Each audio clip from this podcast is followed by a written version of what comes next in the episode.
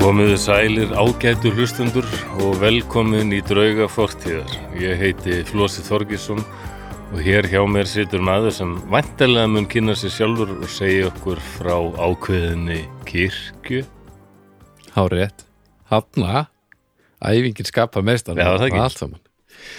Jú, ég heiti Baldur Ragnarsson, ég get kynnt mig alveg sjálfur, Já, hashtag alveg sjálfur já, og uh, hérna, sem er bæðið hashtag sem að að Denni, vinnu minn, uh, þú þekkir Denna eitthvað, já, hann notar hashtag alveg sjálfur núna alltaf þegar hann er sérst hérna, smiður, gríðalegu smiður og hann kom heim þegar um að selja íbúðun okkar og ég náttúrulega uh, ég er ekki jafn, handlægin og hann, það er alveg á hreinu og uh, svo, svo fjarrilagi sko. já, hann er handlægin. hann er svakalur, hann er náttúrulega bara algjörð skrýmsli þegar Já. það kemur að þessu nema hvað, hann kom náttúrulega að laga flýsarnar á íbúðinu sem að við uh, vorum að selja, við vera Já, og hann var eitthvað að lemja þetta allt úr og eitthvað, ég fæ mig Lilju þarna inn til þess að, að að skoða og hún klappar fyrir hún og segir svo hann getur þetta alveg sjálfur og Denni er búin að nota núna hashtaggi alveg sjálfur alveg sama hvað verkan er að klára sko.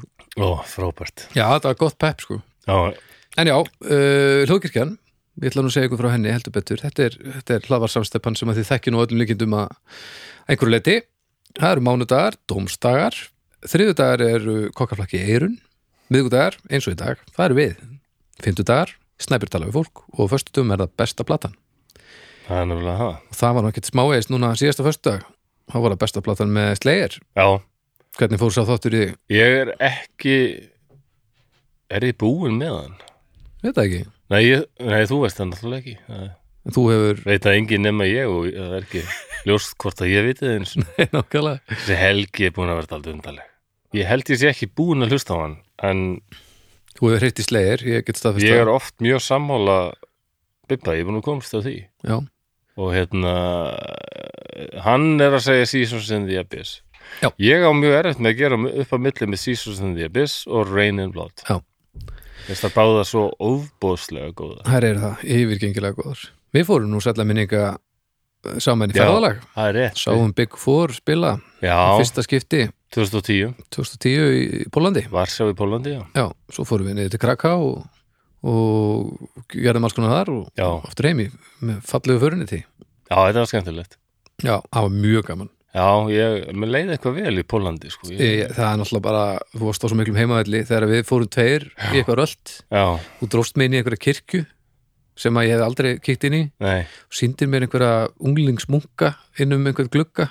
ok. og þeir eru sérst þá búinir að skrá sig í það að verða munkar og þeir koma ekkert út, var bara matikar um svona lú þetta var bara svona eins og, eins og unglega Já, gensla alveg basically, rétt, já. munkagensla Já, já, og svo bara, þú bara stoppa þér ekki, þú bara ruddir upp og þér, þetta var bara svona viku, voru ekki út í viku, jú, jú. þetta var bara viku drauga fortíða þáttur, alveg Já. glæsilegt, Ég man hvað Böbbi sagði þar, það er svona, það sem hann sagði, það er svona kveikti hjá mér, na, já, ég ætti kannski að lesa meira og bara, kannski geti ég bara farið í nám.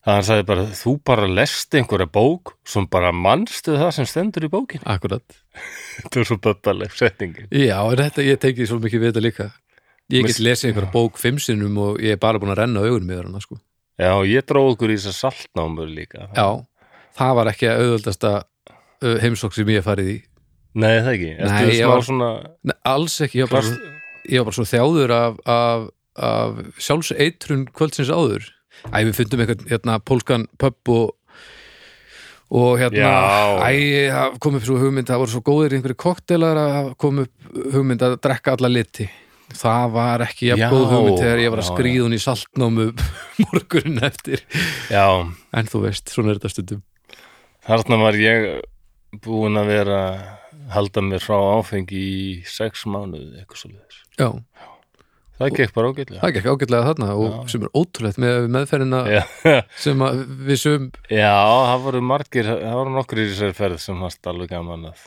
Já, já, sem er bara leiðilegt. já, já, en það var þetta var fullreint hjá þér greinlega þarna, Já. svona, þetta, eh, það var einhvern veginn ekkit þetta hefði ekkit verið gaman ef þú er held í því með okkur sko, fyrir Nei, þig nei, nei. sérstaklega Ég er ekkert að setja út að drikja annar og það er bara þeirra mál og bara, Nákvæmlega. þetta er bara fyrir mig, sko. en djúlega það góð ferð Já, hún var það, ég og Póland eitthvað, ég var einmitt að tala við einn af miklum aðdándum okkar í gær aðeins á netinu sem býr í Pólandi, eða er mjög mikið þar, Já, Einar Kristinn heitir hann ok, og hérna, hann, hann sagði að það væri bara bíl og leiðsögn ef ég ætla að kíkja til Pólans áttur, já, já alveg. Við höfum náttúrulega að spila Það er, hann margt að sjá þar, sagði hann svona, tengt stríðinu til dæmis og svo. Það er ansi margt þar sko Við höfum spilað í Pólandi skálmöldur og við höfum örugglega farið þangað tíu sinnum tíu. Já, og þetta er svona fyrsta landi sem tók okkur alveg já, ekki Opnum örmum bara.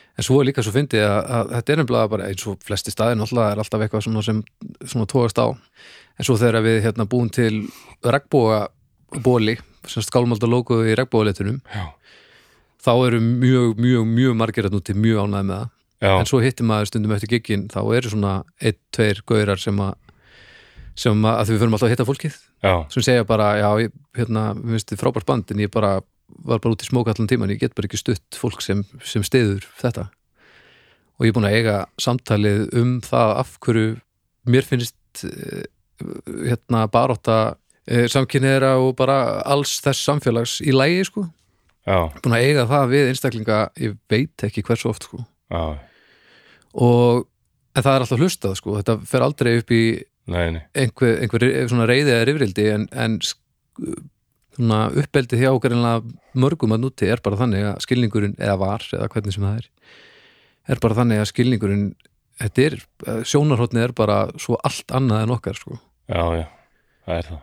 og m- mér finnst mjög gaman að taka þetta samtal bara því að það er mér bara svo mikilvægt sko, því að þannig er fólk sem heldur bara að vinnir mínir séu ræðilegt fólk og ég er bara ekki til í það Nei, ok, og á sama, og á sama tíma er þetta bara eitt fallega, einn fallegasta þjóð sem ég hef kynst sko. já, ótrúlega ótrúlega svona harðgert og glæsilegt og skemmtilegt fólk já eins og við höfum talað um áður það er nú ekki öðra búast ef Guð hefur ákveðið að setja frekar litla þjóð á milli þjóðveri og rúsa Nákvæmlega, og þú Það ert, er ennþá, bara- þú ert ennþá þín þjóð þá er eitthvað, þá Já. er eitthvað í þér sko. að hlýtur eiginlega að vera ef að við erum með hérna, segjum sér svo að við erum með Þískaland bara við Ísafjörð og svo værum við með Rússland á Eirstöðum heldur að við værum bara eitthvað ennþá bara eitthvað Ísland, hú hú Já, nei, Nei, það- við værum bruna rúst Já, við værum bara svona minning það held ég og það er fullt af svona þjóðum eh, og öruglega ég til fjölmennari heldur en íslendingum út um allt svona, eða svona þjóðabrótum sem hafa bara bara horfið horfið inn í eitthvað annað sko já, já. Ég sé að sumir eru daldið kvartið því að við blöðurum daldið mikið áður en hlutinni byrja en þetta talreindar passar bara ágætlega við það sem við ætlum að taka fyrir í dag. já, ég líka mér er pínu drull Nú er það, já, já, þegar þú ert aldrei, já. því, þú ert aldrei mikið drull. Ég, þú veist, mér, Ég er það ekki, ég er hérna mjög meðvirkur og hérna, ég, það ó, vantar ég er svo hrættur um að stíga og tæra einhverja og guðni einhverja. ég veit bara um leið og eitthvað sem ég alltaf þegar ég er að gera eitthvað, að búa eitthvað til um leið og ég fer að einbýna á það að þóknast því sem fólk vill þá ekki bara verður að mögulega verra heldur, ég missi áhugan sko Já, og þannig að ég eiginlega bara geri það sem sjaldnast sko já, en, en við höfum höfum vissulega talað of mikið fyrir, fyrir þátt já, en, en mér er al, já, Já, já, já, já, segja, það mér er- er drull sko en það er bara ágætið spjall, fyrst mér. já, já, líka Ég er þetta. mikilvægt að taka stöðuna sko ég Já, vil já. þannig að spyrja þau um eitt áður um við förum í málið Nú, já, já. eh, Hvað er Bara það því að- nú? hérna, þú ert búin að þú varst að taka dífu, smá er það ekki Jú, það, smá andlega dífu, Jú, það var eitthvað mjög undarlegt. Ég, ég veit, ég kann skil ekki þennan sjúkdómi eða hvað þetta er. neða, En kannski kannski var þetta bara einhver miðaldra krísa eða bara eitthvað uppsöfnuð þreita og kvíði. þetta var sem sagt svo skrítið að því nú ætla ég að segja, eh, ef það er lægið þín vegna, þá ætla ég bara að segja frá því sem gerðist Já, já, Að við, gerðu hérna, við sem sagt uh, í dag er sunnudagur, við erum að taka upp á sunnudegi Já. og við ákveðum að taka upp á uh, við Föstudaginn. ætlum að taka upp á föstudaginn á föstudagsmótni og ég sæki flósið yfirleitt bara nýr í bæja því að ég er að skuttla stelpun og eitthvað og ég heyri bara í honum deginum áður og bara þessu bara slegið slegið föstu svo mæti ég fyrir utan hefur hann morgunin, reyna að ná á þig og, og næ ekki að þér, hann er ég fyrir bara fyrir stúdíu að vinna auka þáttinu og eitthvað, nóg að gera þú ringir bara klukktíma síðar ég segir, komdu bara, komdu bara fyrir stúdíu og við tökum þáttin þegar þú kemur og þú bara, herri, já, já, já, geri það svo bara hverfur o- bara offline Já. og svo vaknar átta um kvöldið eða eitthvað Já, og ég man ólust eftir að hafa hringt í þig en ég vissi ekki hvort mér hafði dreymt það eða... nei, nákvæmlega og náttúrulega vitandi, ég vissi alveg að- búin að þekka ég mjög lengi en að þetta, þetta svona kemur bara stundum upp og það er bara allt í einu besta en það sem mér finnst áhugavert í þessu er að þú ferð að sofa, þá ertu frekar góður eða ekki Jú, ég var búin að vera á bókasafninu og passaði að fá mér að borða og svona og hérna búin að búin að leiði vel á undirbúa þáttinn. bókasafninu, kom svo heim og fór í gott bað og svo fór ég bara að sofa Já, og búin að klára það, undirbúin fyrir Já. þátt og allt búin að gera þáttinn Af því já. að það, og fyrir mér þá ertu, kemur þess að dífan eftir að þú ert sopnaður það getur verið en það var eitthvað í- undarlegt ég, sko ég, ég, ég uppleiði það stundum þannig bara þunglindi ræðist á mig og offorsi og heilin bara frýs einhvern veginn og ég bara Já. fungar ekki en að, í svefni, þú veist, af því að mér finnst þess að Já. húvendingin gerist eftir að þú ert fann að sofa ég fann eitthvað smá fyrir þessum kvöld Já, var það? það kom ykkur undarlegt debur þarna ég var búin að vera á bókasafninu leið, vel, ok leið vel og hérna Þannig að því þú það tókst hljóma, ég, hljómar þessu sé að gera grína þessu Nei, þú veist, já, já. þetta er það er náttúrulega líka daldið mín vörn að það er að gera grína þessu Það er líka Ég bara man þegar ég gekk út að hérna, hjólunum mínu, átti þetta aldrei erfitt með að einbetta mér á bókasætninu samt að því ég var svo hrettur um að hjólunum mínu verði örglega stólið Já, ok sem þið var ekki. Nei, Svo lokar bókasætnið og hérna, ég er búin að sakna þess að vera bókasætninu. Ég átti eiginlega heima þarna bara heilengi, ég var alltaf í háskólanum. mhm Og svo er mikið af ungu fólki sem er að kveðja hvort annað fyrir undan bókasætnið og það er komið myrkur, ég er unga fólkið, hæ, já, þannig, ha, ha, ha, lægjandi og, og hverði, já, sjáumst á morgun og ég verð fyllist ykkur í depurð og það kemur ykkur svona vind þýtur þýtur um eira mitt og mér fannst þess og Guð sjálfur væri mættur og hann sagði, veistu hvað þetta var? Ég veit ekki en þetta var bara þýtur og svo var hann horfin. Já, Flósi, þetta var líf þitt.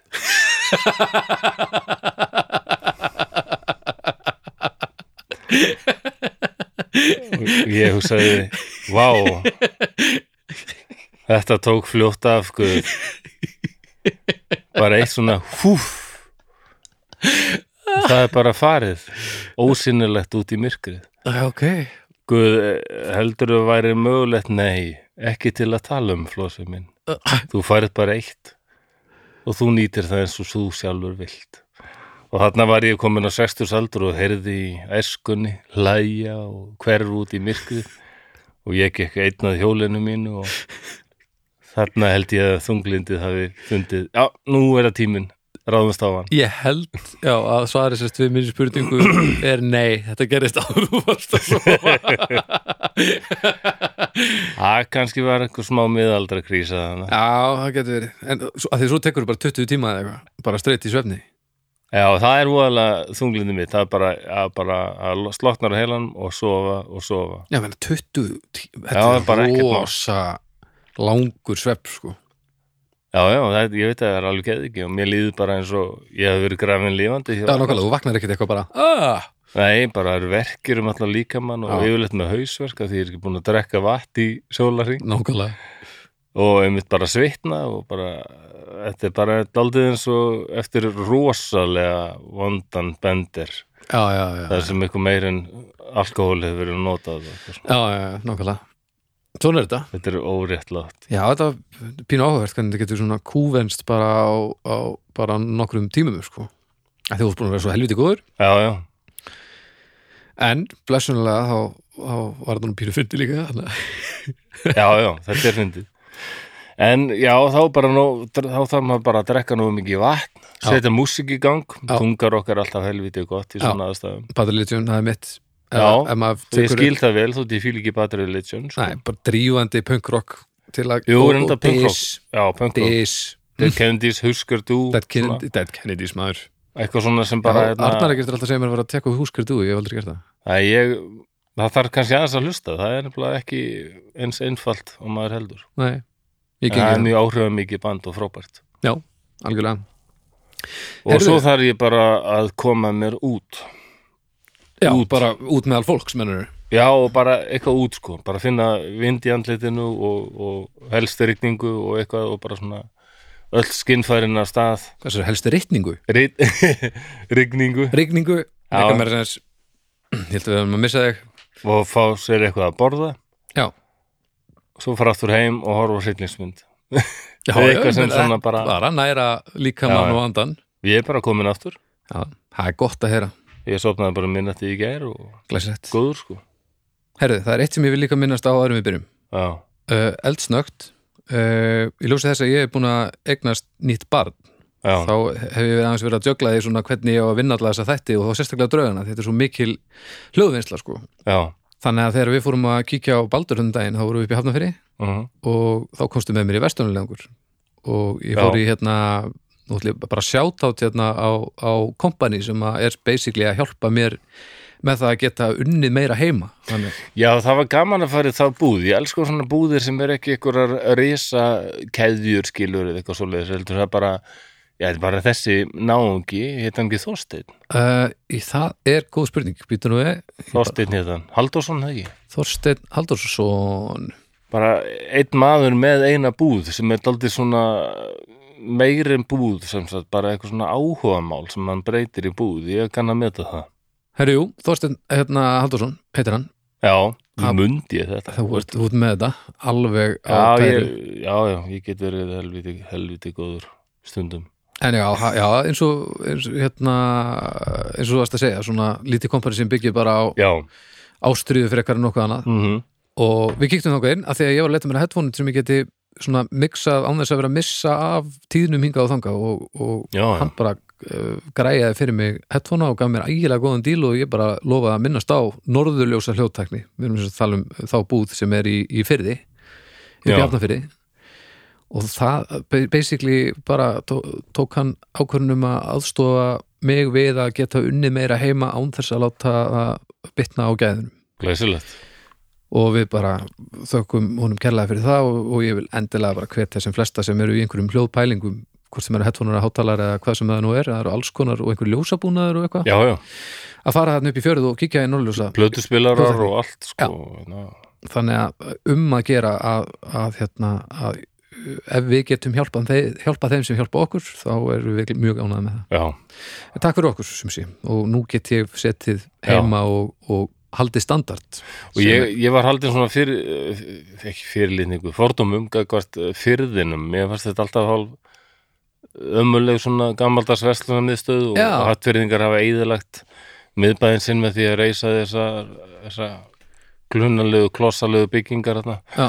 en eh, það er nú bara alltaf stemning hérna í fyrðinum og svona Já, alveg, fínt sko. kaffihús þarna og bara, já, já Já, og líka, já, ég er, ég er sökkar fyrir hafnafæra stemmarinn með einhverju vegna kannski að því Já. að ég er búin að vera svo oft úlfurinn með gítar á jólaböllum og eitthvað svona, að, úst, svona stemmarinn á þessu svæði er eitthvað, ha, býtu hvað, það er alltaf hvað jóla setningur er þetta? það er jólaþorp sem sagt, Ég er sem búin að alltaf vera bak við fjörðinn. úlfurinn með gítar á Já, jólaböllum það er alltaf jólaþorp bak við hérna fjörðin uh, um jólin, Já, blessum já. því annars vera ótrúlega þrúandi og hryllilegt uh, en sérst leikupurinn Lotta hefur oft verið uh, fengið til þess að koma og skemmta þar og þá hefur ég verið úlurinn og, og, og mættar með gítar og bara syngja jólulegin og eitthvað það er helviti góð stemmar hérna sko ég fór nú bara síðastu síðustu jól uh, og, og uh, greiflutnar hennar mömmu uh, sem hún prófa Ó, alltaf svona já. ullargreiflur Æðislega grif þær hafa bjargað mér í gegnum nokkur vel undir frostmarki jólagikkin Já, á gítarinn sko hún gaf mér nokkra gaf mér griflur fyrir nokkrum árum það eru löngu upp í etnar Já, það? notkun, já við græðum það samt hún er, Æ, ég hún er alltaf kann að búa ekki- til og, Ég og kann ekki lætur við alltaf að vera ónáð eh, Nei, ég menna, hún er, ég, ég, ég skal heyri í henni Guðana bænum ekki vera að hafa fyrir mér það er alveg nei, nei, nei. Eh, Hún, hún hefur börn og barnabörn sem hún þarf að vera að sauma og það er ekki Ég það var ekki hugmynd um hvað hún er fljótt að- Nei, að að Guð, prjóna sko. ekki vera að tala, ekki til að tala um Nei, nei. Það- Herru, Jú ég- takk, takk fyrir Þannig að, Ég stikka að fá griflur, er það ekki? jú takk Já, já, ég, ég, ég gengi málið og, og hún- hún verður mjög ánægð með það Herru, hérna, nú getum við verið að byrja En já, ég er tilbúin bara Já, nú erum við, við fórum víða, Já. víðum öll en Já, já. þetta var mjög gott En Það er allt til að sumt að þessu passaði ágætlega við það sem við ætlum að Já, um. Við skulum þá bara setja okkur í stellingar ágættu lustendur mhm, Það er komið að því að særa fram drauga fortíðar.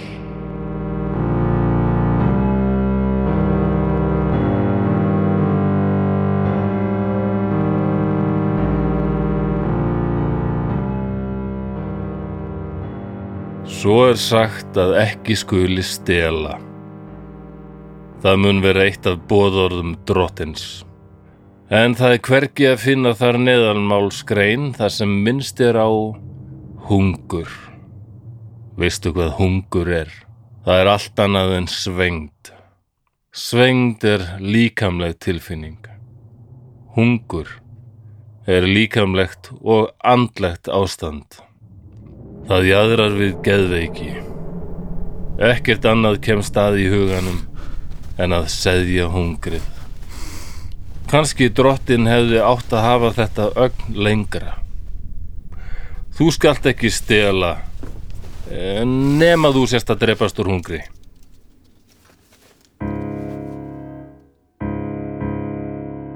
Drepast. Það er einmitt orðið. Þungamiðjan í hungrinu er dauðinn. Hann er komin svo nála þér að þú finnur grafar kuldan frá andardrætti hans og nálikt fyllir vitin. Við þessar aðstæður gleymist þetta þjófnaðar bóðorð fljótt. Nokkrir menn hafa myndað hópa og farið af stað til þess eins að finna mat, að seðja hungrið. Þeir eru kallaðir hungurgöngumenn og eru trilltir af hungri og ekkert stoppar þá. Þessi vetur 1756-1757 er eitt svo harðasti í manna minnum.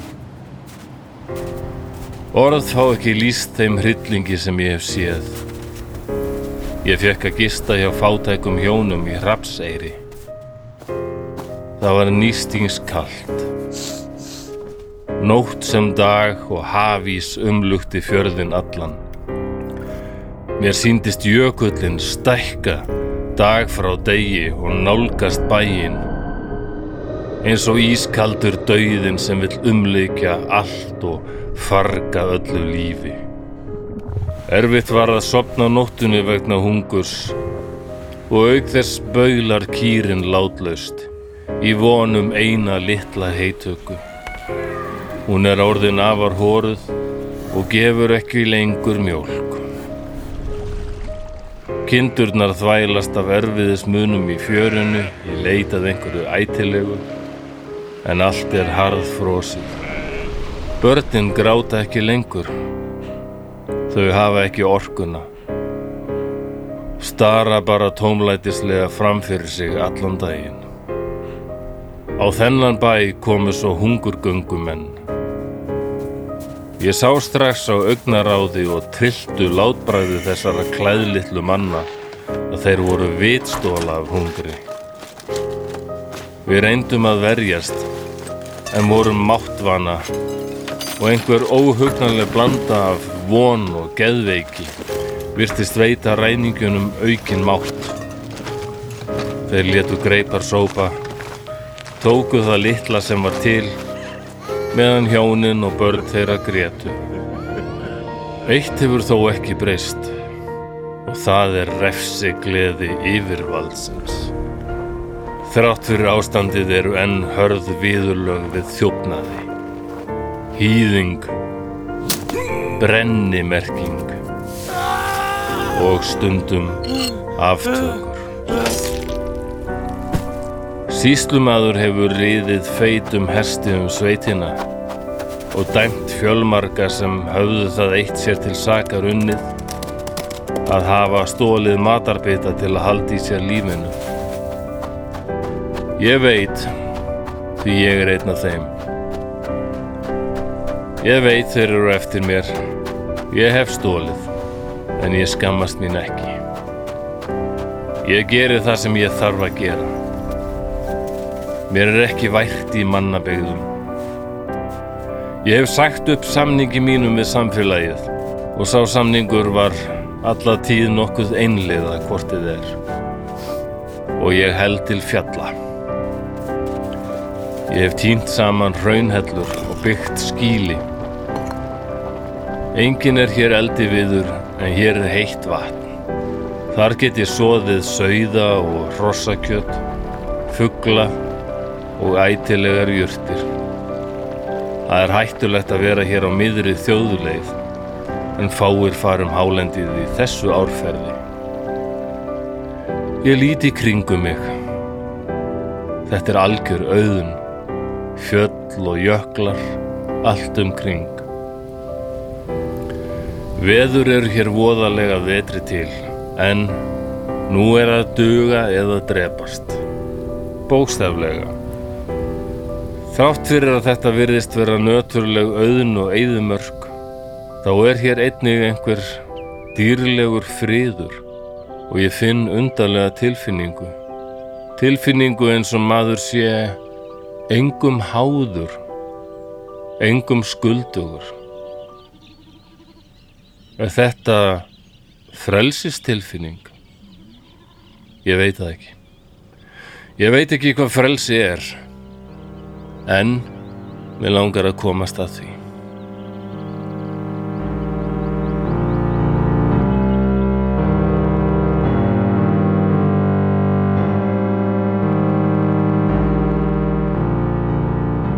Ákenduðu hlustundur, þá er lestir í lokið og við getum bara hafið venjulegt spjall í draugum fortíðar. mm -hmm. Mhm.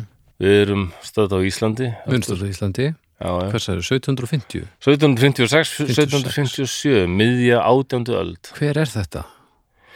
Já, ég var að reyna að setja hlustendur í fótspor manns sem hétt Eyvindur Jónsson. Já, er þetta fjalla? Já, Fjalla-Eyvindur. Fjalla-Eyvindur. Já, já, já, já.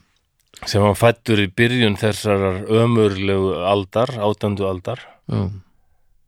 í hlýð í hrunamanna hreppi árnesíslu Mm sem er nú bara ég held að föðurættin mín sem bara frá sama hreppi hana. já, já, nú en, en líka bara setja okkur í spór þessa fólk sem sem gaspar upp á þessu og reynda að lifa í trássi við samfélagið mm og lifa á þessu hálendi hefur þið komið, hefur komið á hálendi já en ég, ég hef ekki búið þar og ég getur ekki sagt að það sé á listanum minnum sinni sko. Nei, ég, ég bara alltaf þegar ég komið hérna bara, ég, ég var á hveraföllum bara síðasta sumar Já. ekki núna sem heldur þar aður Já.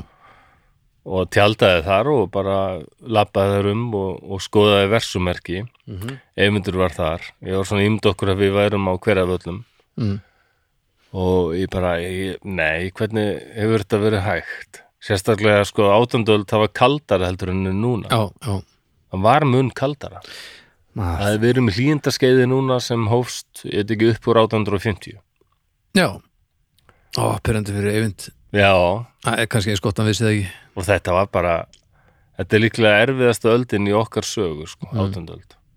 Vá, frábært að ákveða að búa út til þá Já, en það, það er líklega þess vegna sem hann ákvaða, sko, út af því að þetta bara, hitt var ekki hægt. Já, já, nei, nei, nákvæmlega Þannig að ég hef svona, og ég held að fólk hafi löngum haft smá samúð með, með eyvindi og útilegu mönnum.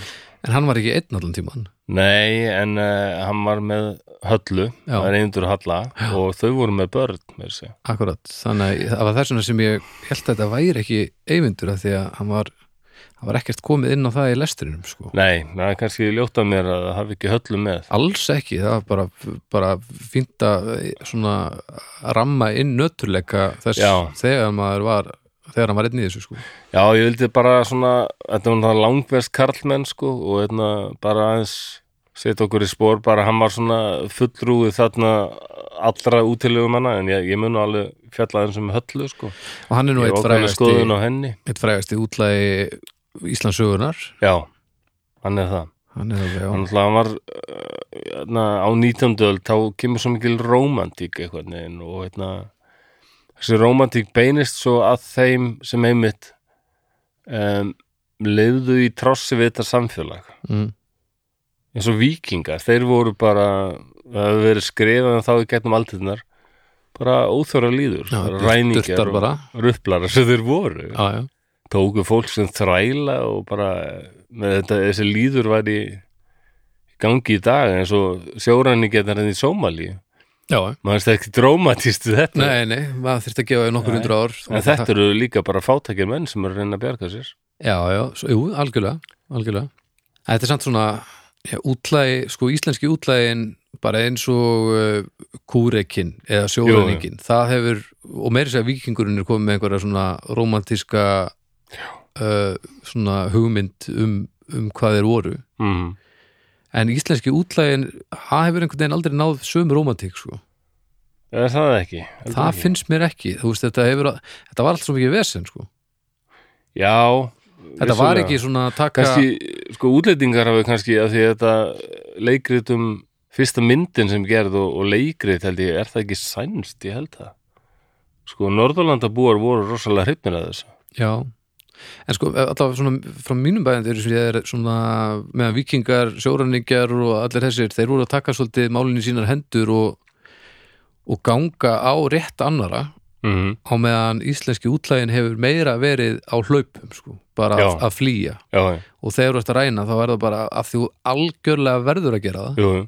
en annars ertu útskúðaður og það er ekki mikil romantik í því svona finnst mér sko Nei, og margir af þessum mönnum voru þegar útskúfaðir höfðu verið sko tektir og, og hýttir og til brennimertir og Já. bara þá bara var þetta aldrei búið og vonlust að lifa í samfélaginu Já, sko, nákvæmlega. bara með þessa brennimerkingu og og meiri segja En- þessar erki hettur sem vegum eins og, og grettir og, og þessir Já, akkurat Vi- Jú, Gísli stóra, Súrsson. stóra sögur og svona búið, já, og gísli, þú veist, það er búið að að mikla rosalega mikið það sem að þótti svalt við á, Já, en svona á endanum þá varstu samt bara einstaklingur og flotta já, já, og þurftir bara að að reyna að komast hjá því að vera drepin já ég held að inn í þetta sp- spilið kannski að á 19. öld þessi romantíka líka daldið á 19. öld sko þá fer að lost afsaki, þá fer að losna þessum þessar þessa- en að þrönga ramma fólk mátti ekkit segja eða hugsa eða Nei, mátti nei. ekki einu svona ferðast út fyrir sveitina og þess að láta vita það var líka þetta vistarband, það fyrir aðeins að losta allt um og verða sterkari svona hugmyndir sem fara að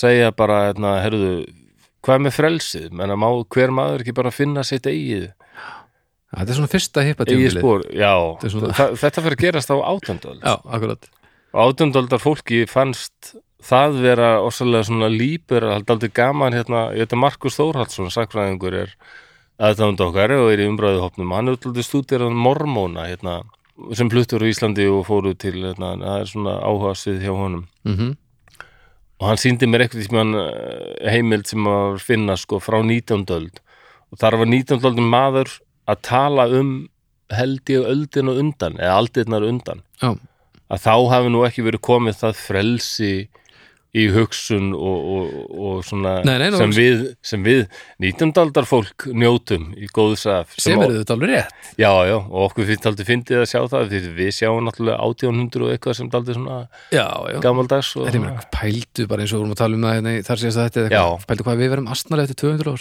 Já, já, Pæltu hvað við nákvæmlega. erum ógeðslega þröngsýn og, og, og lúðaleg og, og glórulus Ætli það ekki Jú, jú, við erum, eins og þú varst að segja Já, það er Við vorum bara eitthvað að keira á bílum eins, Já, það verður heilmikið sem sem, verður að vera rosalega djúft sokkin í vandamáli til þess að halda að keira þessu stort stálfliki og 100 km hraða til þess að komast til stað sé besta hugmyndin sem, Það, þú verður bara að vera mjög Já, mengaður af umhverfinu Það er engin spurning að eftir 200 ár menn fólk líta tilbaka og daldið svona glotta og Já, já, já, við erum í ruglinu held ég sko. Já, já, já og einna samfærast af öllum þeim kynnslóðum sem hafa verið í ruglinu Já, já.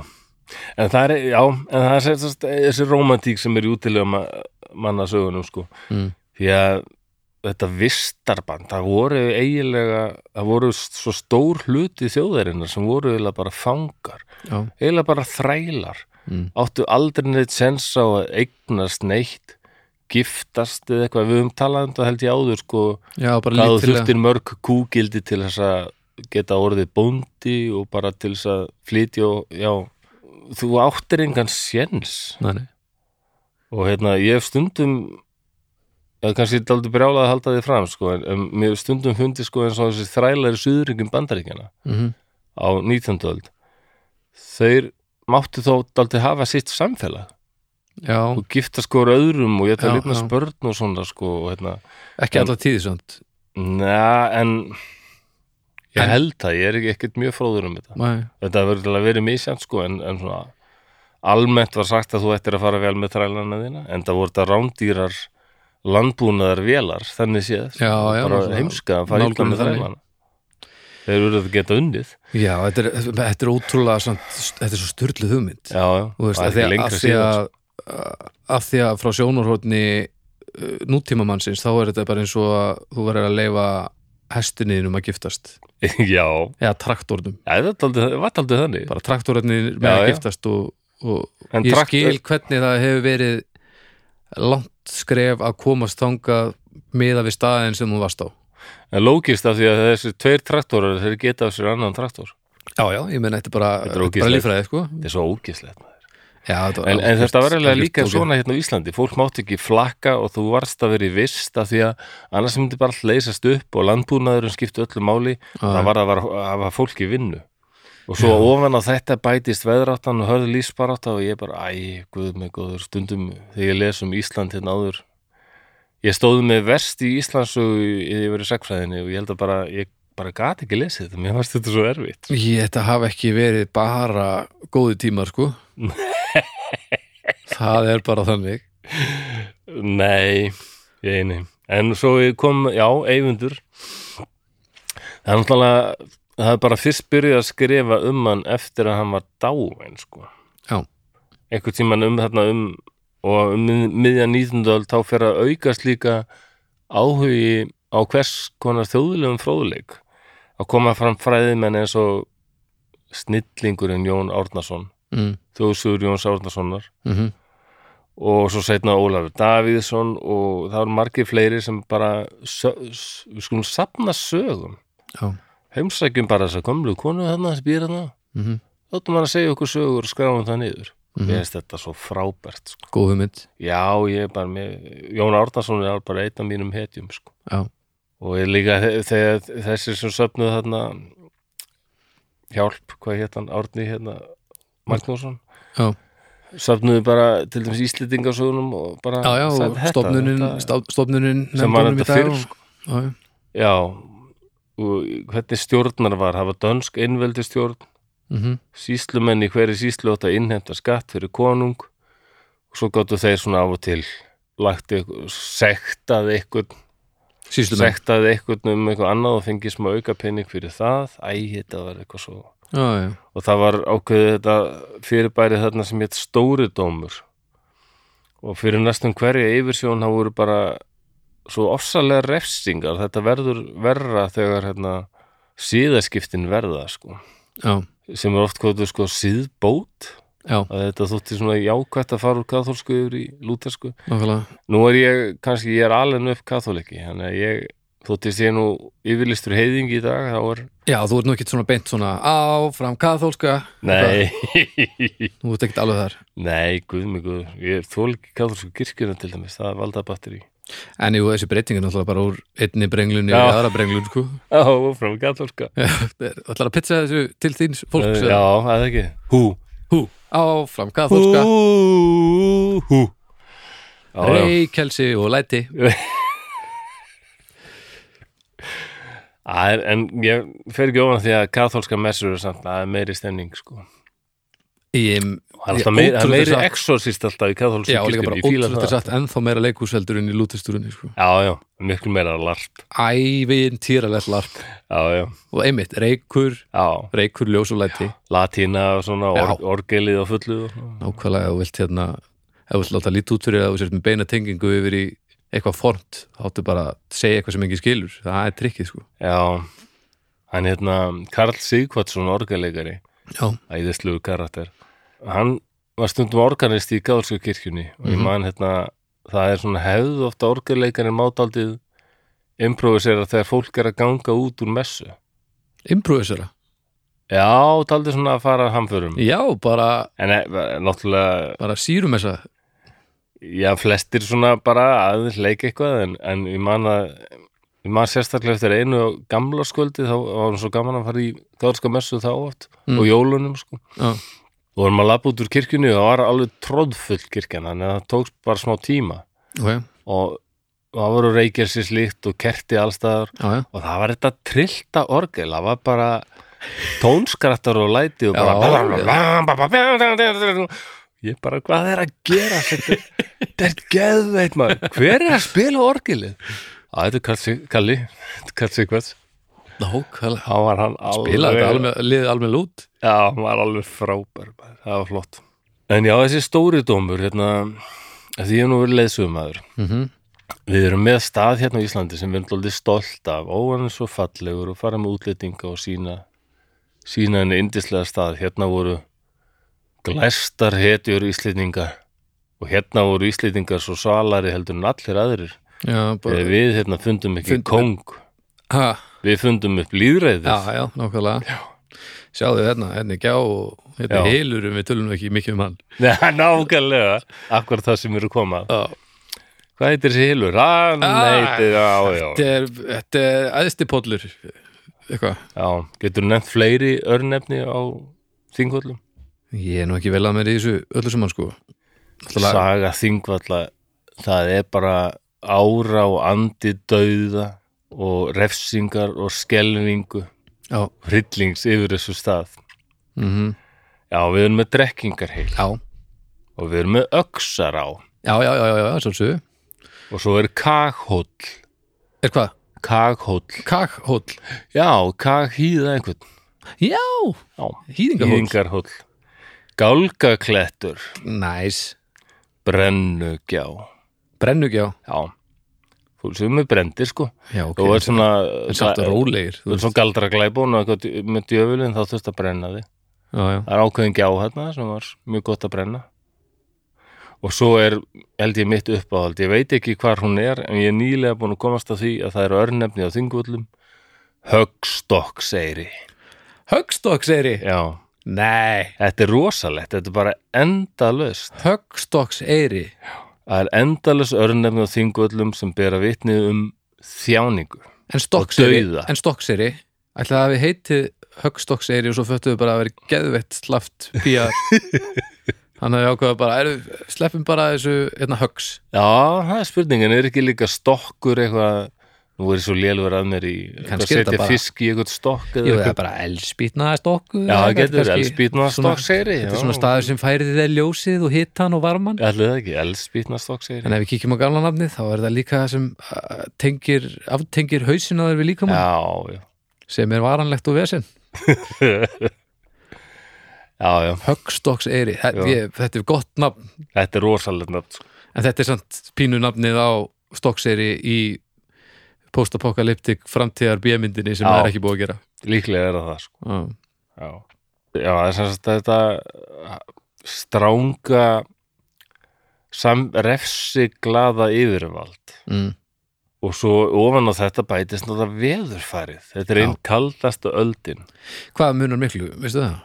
Nei, ég reyndar ekki og við skulum bara kíkja á það og setja kannski setna inn á Ég er orðin daldið slakari á að ég þurfi ekki að vera með bara alla statistík á hreinu í þessum þáttum og við erum með- komið með svo frábæran hóp þarna Þessi- umræðum og það sem er fullt af stillingum sem bara Já. vita jættur meirum efnið Já, bara og, og, og, bara bæði fara spurningar sem við sp- spyrjum okkur að í þáttunum og bara annað aukaðni sem við komum ekki eins og inn á það Einmitt. er bara að koma mjög vel framsett inn á umræðahópin þannig að við allir þeir sem eru ekki búin að kíkja þangað endilega kíkja á það það er, það er allt að gerast Já, já ég held að hann telli núna 2600 manns eða eitthvað Já, ok, og það eru nokkrir sagfræði mentaði, veit ég að hérna þannig að Já. ég geti trú á því einhverju sagfræði mentaði sé að hlusta núna sem hafið daldið skoðað þessa átjóndöld og ég er mjög ánægði með að þeir séu enn að hlusta með hvað ég var brálaður við þessu daginn Nei, það eru við sammálaði já, öruglega, öruglega. Ég- þetta var ekki illa meint heldur Nei, nei, uh, en já, en það voru drepsóttir gengu hérna, Ó, var hungursneyð. já.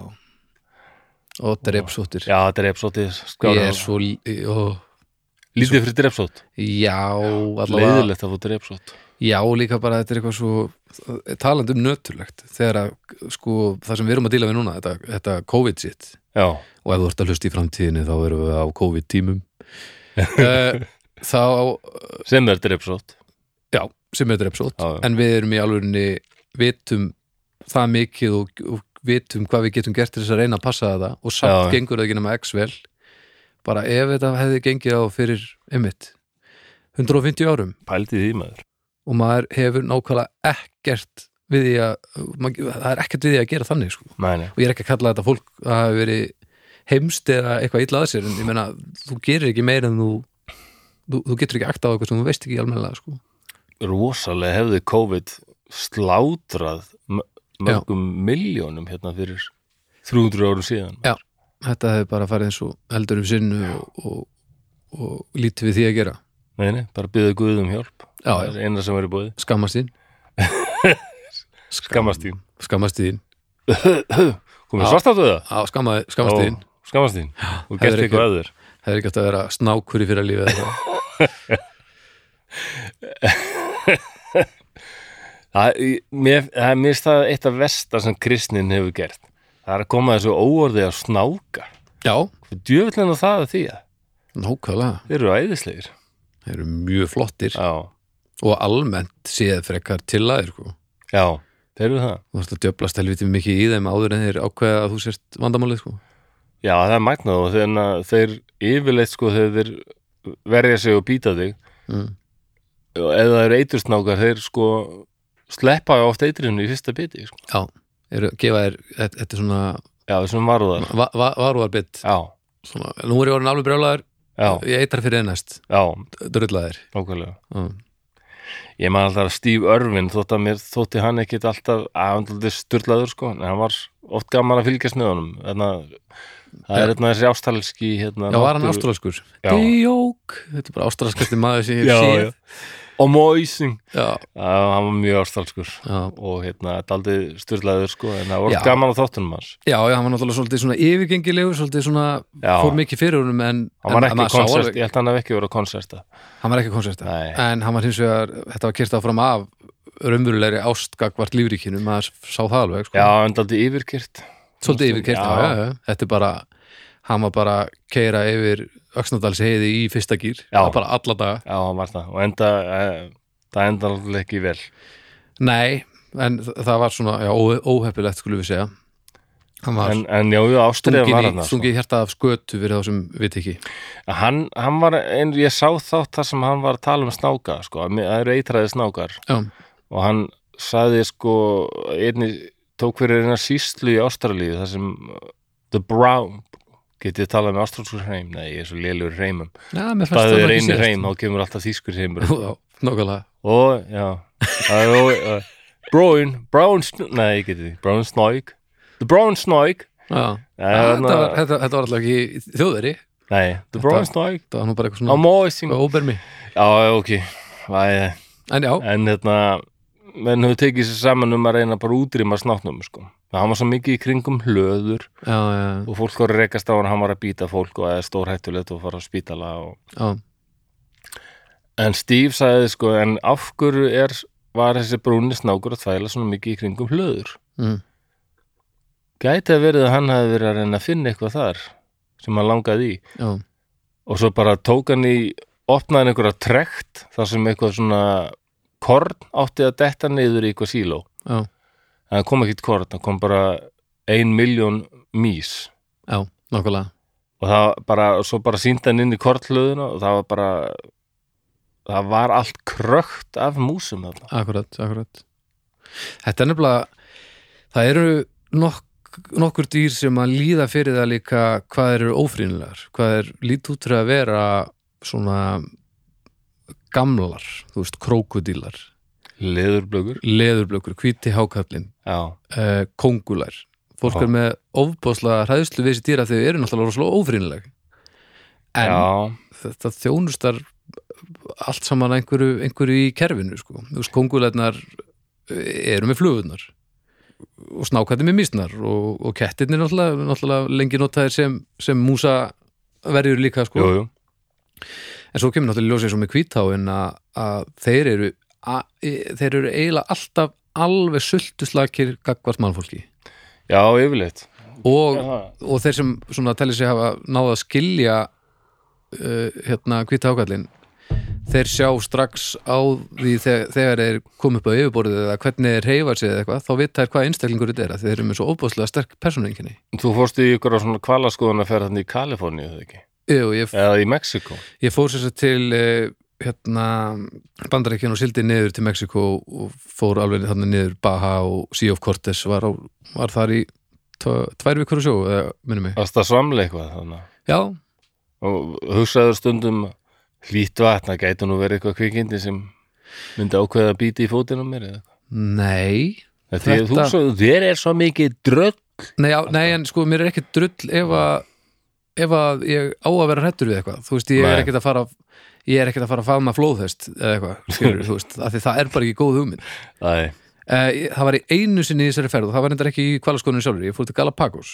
já, með Óla Torfa vinn okkar já og við vorum að kafa og það bara styrlaðasta moment sem ég hef átt þá voru sérst sæljón að synda það voru skjálpökur svona í róleitunum og skötur, allt í einu Já, svo sá ég svona, þeir heita hvað á ensku black tip reef shark sem Já, eru bara já. svona litli svona einsmetra já, einsmetra hákallar eitthvað, komi bara svona bara svona 30 þannig svona út úr tóminu já og ég er eitthvað bara, horf, horf, ég sendi Óla eitthvað þumlana bara, þetta er geðvegt og hann bara svona bendir niður og ég kíkja fyrir neðan okkur og þar fyrir neðan okkur ég veit ekki nákvæmlega hvað var langt frá okkur var bara svona þryggja metra hammerhead Nei, og við vorum sérst fremstir í hófnum sko já, já, hann var bara beint fyrir neðan okkur það var eina mómentið þar sem ég fekk svona já en svo myndi ég að þeir eru ekkert í því að ráðast á fólk og að því að við vorum fremstir í hópnum þá var hann svona nálat okkur og um leið og hann var við okkur þá bara slaka þessi niður og maður sá svona móta fyrir hún lengst niður eftir það kom Já. aldrei upp aftur sko Nei,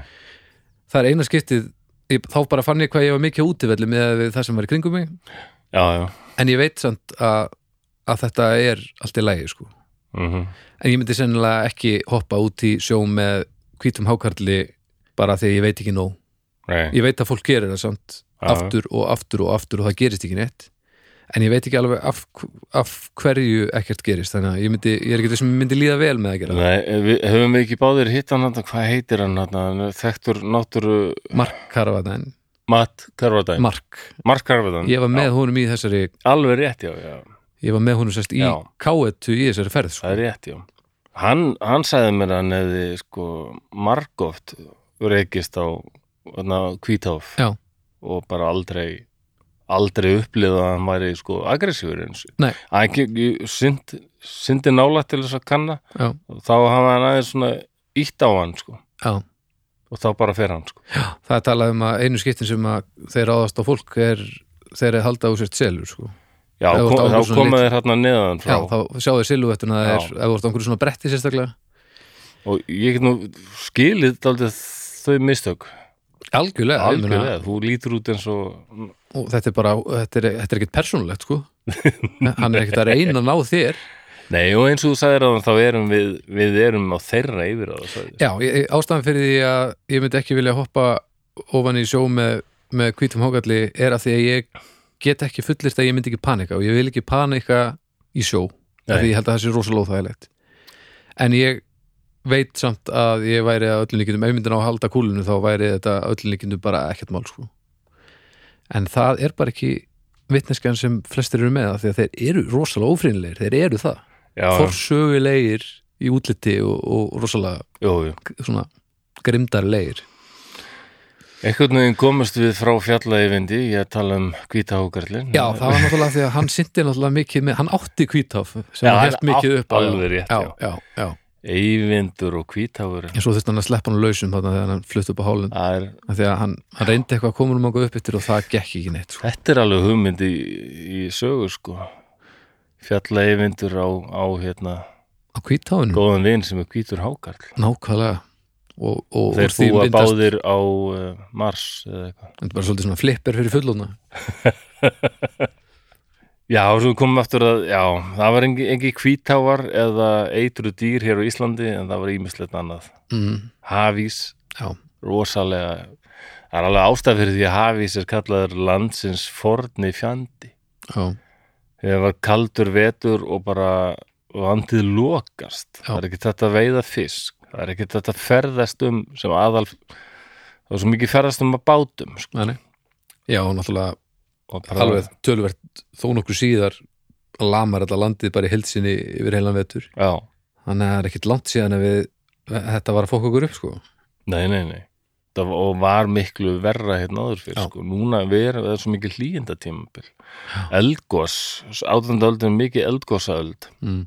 La, lakagígar er hérna í Akkurat. lók Álag á þessu, oi, hvað þetta er pyrrandi öld já, Fólk verður hundra ára, hugsaðu þér að einstaklingar sem fættust 1. janúar 1700 Já, já, ég ætla einmitt að koma að því hérna í kringum aldamöndin en 1700 fólk var nú kannski ekki mikið að vera hundra ára á þessum tíma svo sem Nei, það held ég ekki, það er spurning hvað hérna, meðal líftími fólks að vera þannig, ég veit það ekki, en Bara 40 til, já, mestalegi, það held Já. ég alveg örglega. kringu 40 eitthvað Og sko, í kringum aldamöndin 1700 þá var hérna hungursneið í sjö ár samfleitt og það talið að þá um hefðum 9-10.000 manns látist og það er alveg fjórðungur, kannski þriðjungur þjóðverinnar Já Ég er Svo mjög, mjög þarna- fegin að sem er svipaðu í lagagífum sko. á- Ég er mjög fegin að þú fættist ekki fyrir 68 Þegar þú fættist þarna árið 17. 1. janúar Já, Þú væri búin að vera dauður í nokkra áratví já, já. með að við hvað þú ert gamall í dag sko Já, Ég um væri náttúrulega bara hvað ég ættinni já, já. 36 ára, bara já, átta gott raun Já, þú sagði, þú, mér varst aldrei gaman að það, þú sagðir einmitt þarna í, var það síðast að þetta, þú férst að eyrnabólguna Já, og þú spurði læknin, mér finnst þetta alveg frábært, sko. já og hann var ekki alveg samfæður um að, að vera, hann ætti að svara mér Nei, ég, að því að ég held að læknar náttúrulega eru vanir í að, að díla við fólk sem er hrætt sko þá mundi ég einmitt eftir því að þarna hörður sonum minn, þegar hann var svona þryggja ára eða eitthvað, eða bara tveggja og háls þryggja, Já. þá var hann byrjaðar að haldra allt í hennu. Já, Haldraði, sko, hlýði greinilega öðrum fætinum. ok Bara hvað er að gerast? Og við kíktum á fótinn og sáum ekki neitt. mm. sjáum ekkert sérstætt sko og fórum með hann til læknis og kannað og þá var hann samt með s- eitthvað sýkingu í beininu ah, en hann fann til sko Ok, og það var alveg bara re- þurfti að hana, stinga þarna og, og taka eitthvað síni úr þessu og, Já, og reyna að rækta og svo kom læknir og sagði bara ég man alltaf til læknir ég hitt hann, herruðu, já herru, við erum eiginlega bara í djúpum skít og ég bara fyrir ekki, næja, ma maður á ekki að segja svona fyrir ekki, ég bara Æ, ég átti við bara, við getum ekki, við vitum ekkit hvað bakterið þetta er, við, við bara fáum ekki staðfust. já, já Þannig að ég verð bara marinera sondin í síklarlifjum. það var, ég man ekki hvað hann hétir slættin, hann var alveg kostulegur. Það ljóma nú bara svona eins og einhver sem átti sér þann draum að verða kokkur en endaði einhvern veginn í læknanómi Já, rækta drastl og marinera og það er, það er líklega þannig. á, já, Hvað, svona er það. hvernig, hvað, hvað ætli hann hugsi alltaf þegar hann sé að skera fólku upp og öðuðu. já, skera upp, sko, emitt eins og maður sem sá lifrinni þér, hann hefur bara hugsað Jú, jú, "Mm, mm." þetta væri nú aldrei fyrirtak með Getur verið að með hann rétt að hafi, lögnum kannski hétt hann Hannibal, mann það ekki. ah, Já, já. sá lækni var nú reyndar ekki alveg í- að marinera, eða jú, hann var reyndar mjög mikið í marinera fólk Já, jú, og hann var læknir, en undan geðlæknir. já, já, En uh, hann hörðu greið var marineraður í, í síklarlifum. Það gekkt aldrei á fyrir strákið minn þegar hann var, hann var með bakflæðið þá þurfti hann að fá síklarlif alveg í mörg ár sko. æ, og svo ói færi hann þetta. Þannig að hann er mikið á síklarlifum. síkla lifur líka svo mikið eitur Já, og ég spurði læknir einmitt hvað þetta ef þetta hefði gerst fyrir 200 árum. Já, þá hefði þetta bara ágerst og líklega hefðu þeir tekið af honum fótinn og vonast til að það myndi ganga. ok, Það þurfti, já. og hefði það gengið Já, nema að þau komið dreip í fótinn þá bara hefur það ágerst og Þe- þetta hefur verið kallað fótarmein í gamla daga, fótarmein bara fótarmein mm. Já, en hérna en að Eyvindur er afkvæmi þessa tíma já, og hérna, honum er lýst þannig allar lýsingar á Eyvindi eru ótrúlega jákvæðar honum er lýst þannig að hann var fríður og ofsalega liðugur og femur góður að klifra og það gæti verið eitthvað þjóðsaga af því að eins og ég sagði á hann þá er svo margt sem að byrja að skrifa um hann eftir dauðans Já. en það er til einhverjar samtíma heimildir þá aðalega sko þegar hann var tekin höndum og yfirheyrður og na, eitthvað sem einhverjur þetta, síslumenn höfðu verið að skrifa sko. Mhm. og hann var, hann, þótti, gó- hann var góður smiður laghendur sem alveg sést að það vann með honum þegar hann var að bjarga sér Þú basically ertu búin að lýsa denna vinnu mínum eða það? Já, nema liður, ég held að hann Ég, ég held að ég hefði gerst útlaði, ég hefði gerna viljað hafa dem- denna með, sko. Já, Ég held að, Denni, til, hann er einn af þessum örfáður sem ég myndi treysta til þess að lifa upp Já. á, upp á Hóla- hálendinu það eru nokkrar svona típur, sko. Ég er mikið- Já. en Eyvindur, hann þótti líka kannski dálítið mislindur snemma og að sagt hann hafi snemma þótt bera litla virðingu fyrir eignum annar, en það gæti líka verið þjóðsaga. Það er eitthvað þjóðsaga um það að hann hafi stólið frá okkur konu Mm. og hún hafi lagt á hann einhver álög, hann skildi vera sístelandi. Já, já, sem hann var nú reyndar viðristur, já, en ég meina ég ætla að vona að þessi kona hafi ekki verið einhvers konar ráðgjafi eða því Nei, að nei, hún hún var hafi verið bara alveg eitthvað svona- svona... hörmulegi sem hún gerir hún var, nei, það var, ég held að lítið ráðgjafa á þessum árum Já, var ekkert verið það að var bara, lít, meira refsa, minna hjálpa Já, það var bara prestar voru ráðgjafar bara, prestur mér langar svo rosalega að sofa hjá konunni á næsta bæ þá bara, já, já, helviti fyrir þig þú fer til helvíti svo verður að fara með Maríubæn 40 sinnum á dag ok, þetta var ráðgjöfin 1746 Þú voru bara svona enga þjálfarar þess tíma Já, Neiri já. golf, 40 mann ubanir Já, já. Það voru þrjúðustunum styrta Já, menn lærðu bara tvennt, það var annarkvort að þú varst prestur eða fórst í lög mm.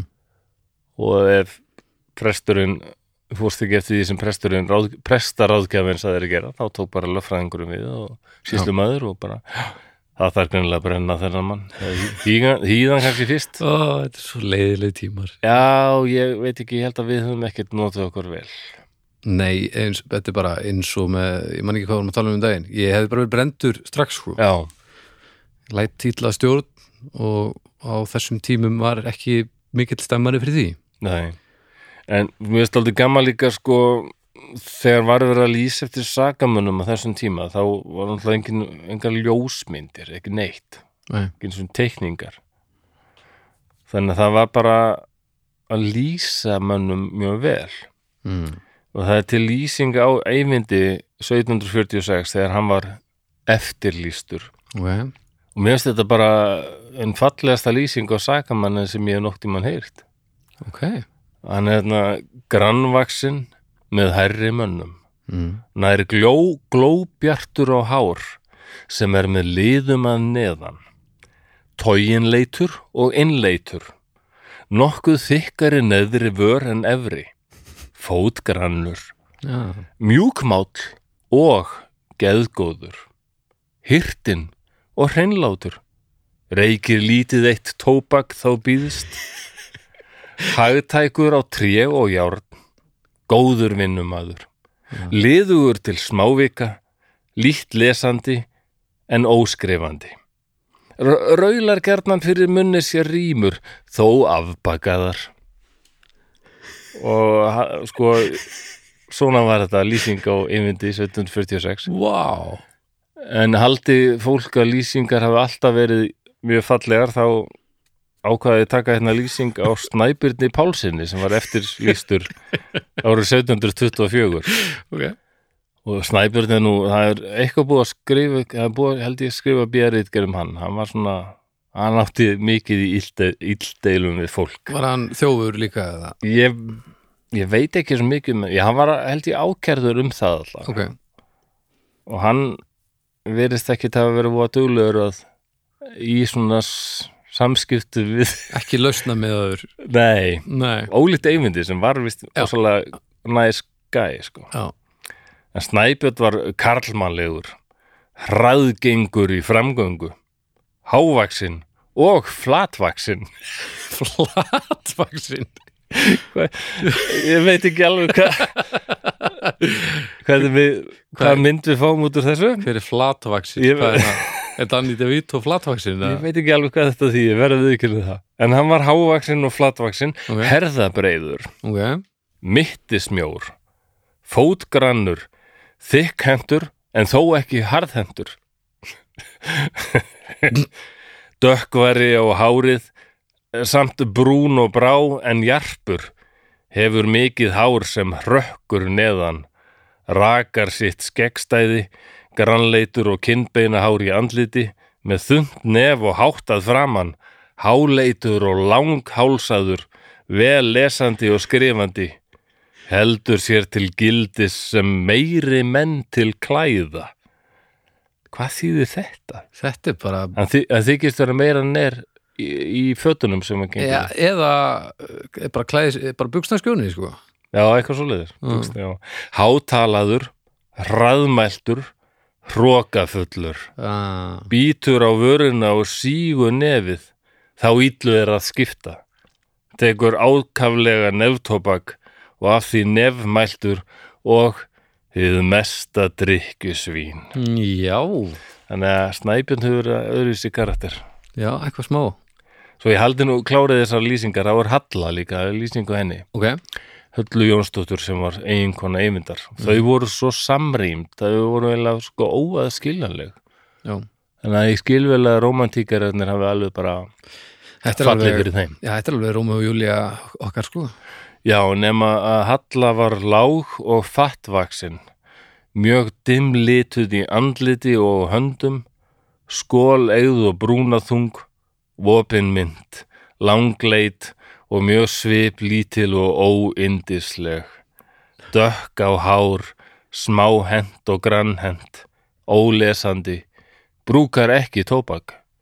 Æ, Það er alltaf tekið fram, Já, já, hvernig menn nota tóbak já, já, og lýsingar og höll eru allar svona mjög neikvæðar ok sem bara segi mér frekar kannski að hún hefði bara ekkit, það hefði svo ofsalega þröng ímynd Já.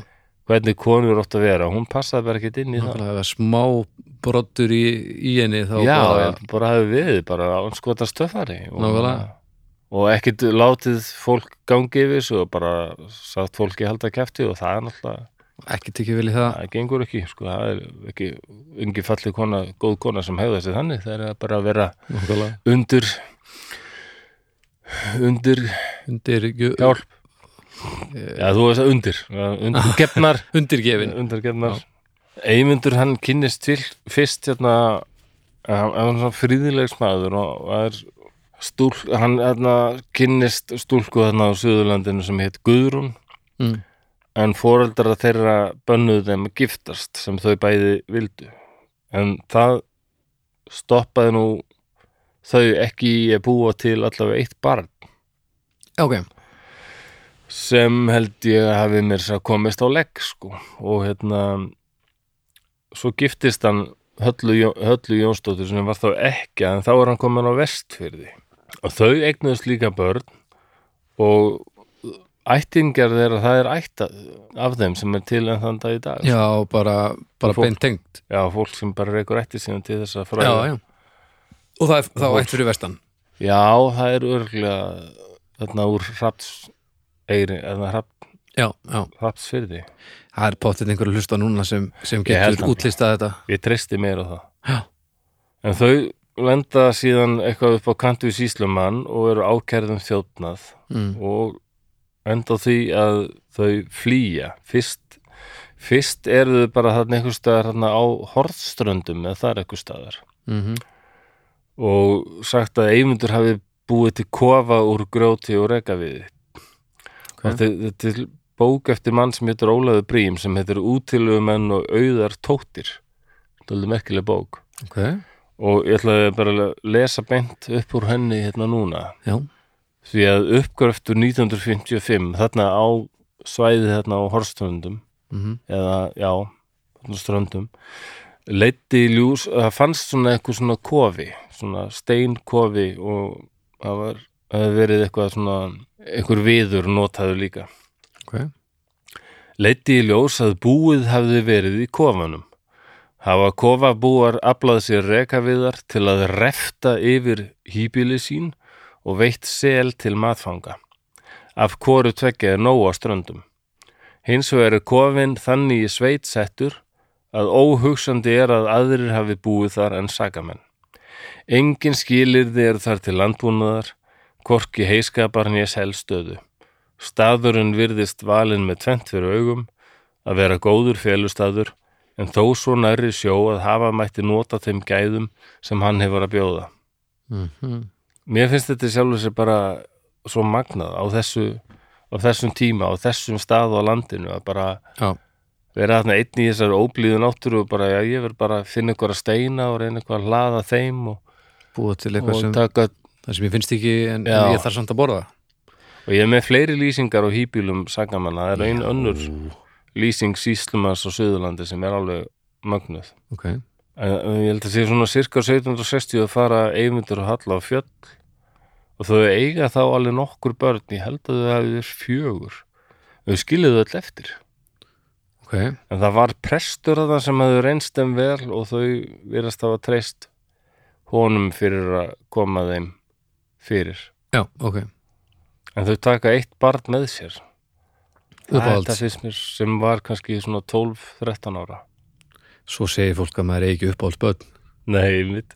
Herri þið hérna að vera á prestinum En þú kemur með okkur Já, en um miðja átönduöld þá bara hjálp. Já, Fara hjón með eitt barn og, og hefja bú á hver af af öllum. hverju takaðu með sér þá eitt barn? Er það til að friða saminskunu bara? Það er, eh, það er hvort að það hefur verið, þau bara talið það barn líklegast til að geta þetta sko. Já, Hinn voru tölvist yngri. já, já, já, já. Og á hverjaföllum er, ég kom þar fyrir, já, eh, sumarið 2019, stormaði þetta inn á, inn á staðinn og hérna, já, góðan daginn, ég var að spá í hvort það væri þetta að sjá, veistu hvort það sé þetta að sjá ummerki um bústað fjallæfindar? Uh, sorry, I don't speak I- Icelandic. Okay, uh, yes, I'm, I'm looking for remains of the famous outlaw Ivander. Uh, do you know if Ivander, uh, if was uh, where to go to see where he was round? Uh, I, what? What? I don't understand. já, já. The outlaw that was here. Have you heard about him? Outlaw? No. Okay, I'll just have a coffee. Og hérna, hann bara, þau vissi ekki neitt um þetta. Mér finnst þetta aldrei svona synd að koma á hverjalli og það er svona móttaka túrist og það er bara, og eh, er bara almennt ekki verið að, að þjónusta þennan tíma ekki vissi starfsfólki neitt þarna og ég, Nei, nei. en það var merkilegt nokk, það var bara Wi-Fi samband þarna. já, Ég fór bara að blesa netið og þá var bara auðvöld að finna. já, já, En það eru ennþá, það er þarna hóll og það er eitthvað svona, eins og það hefur verið hlaðið þarna eitthvað. mm. En það sést ennþá eitthvað, sko, og svo er hellir þarna sem er talið að þau hafa kannski notað eitthvað líka. já, já.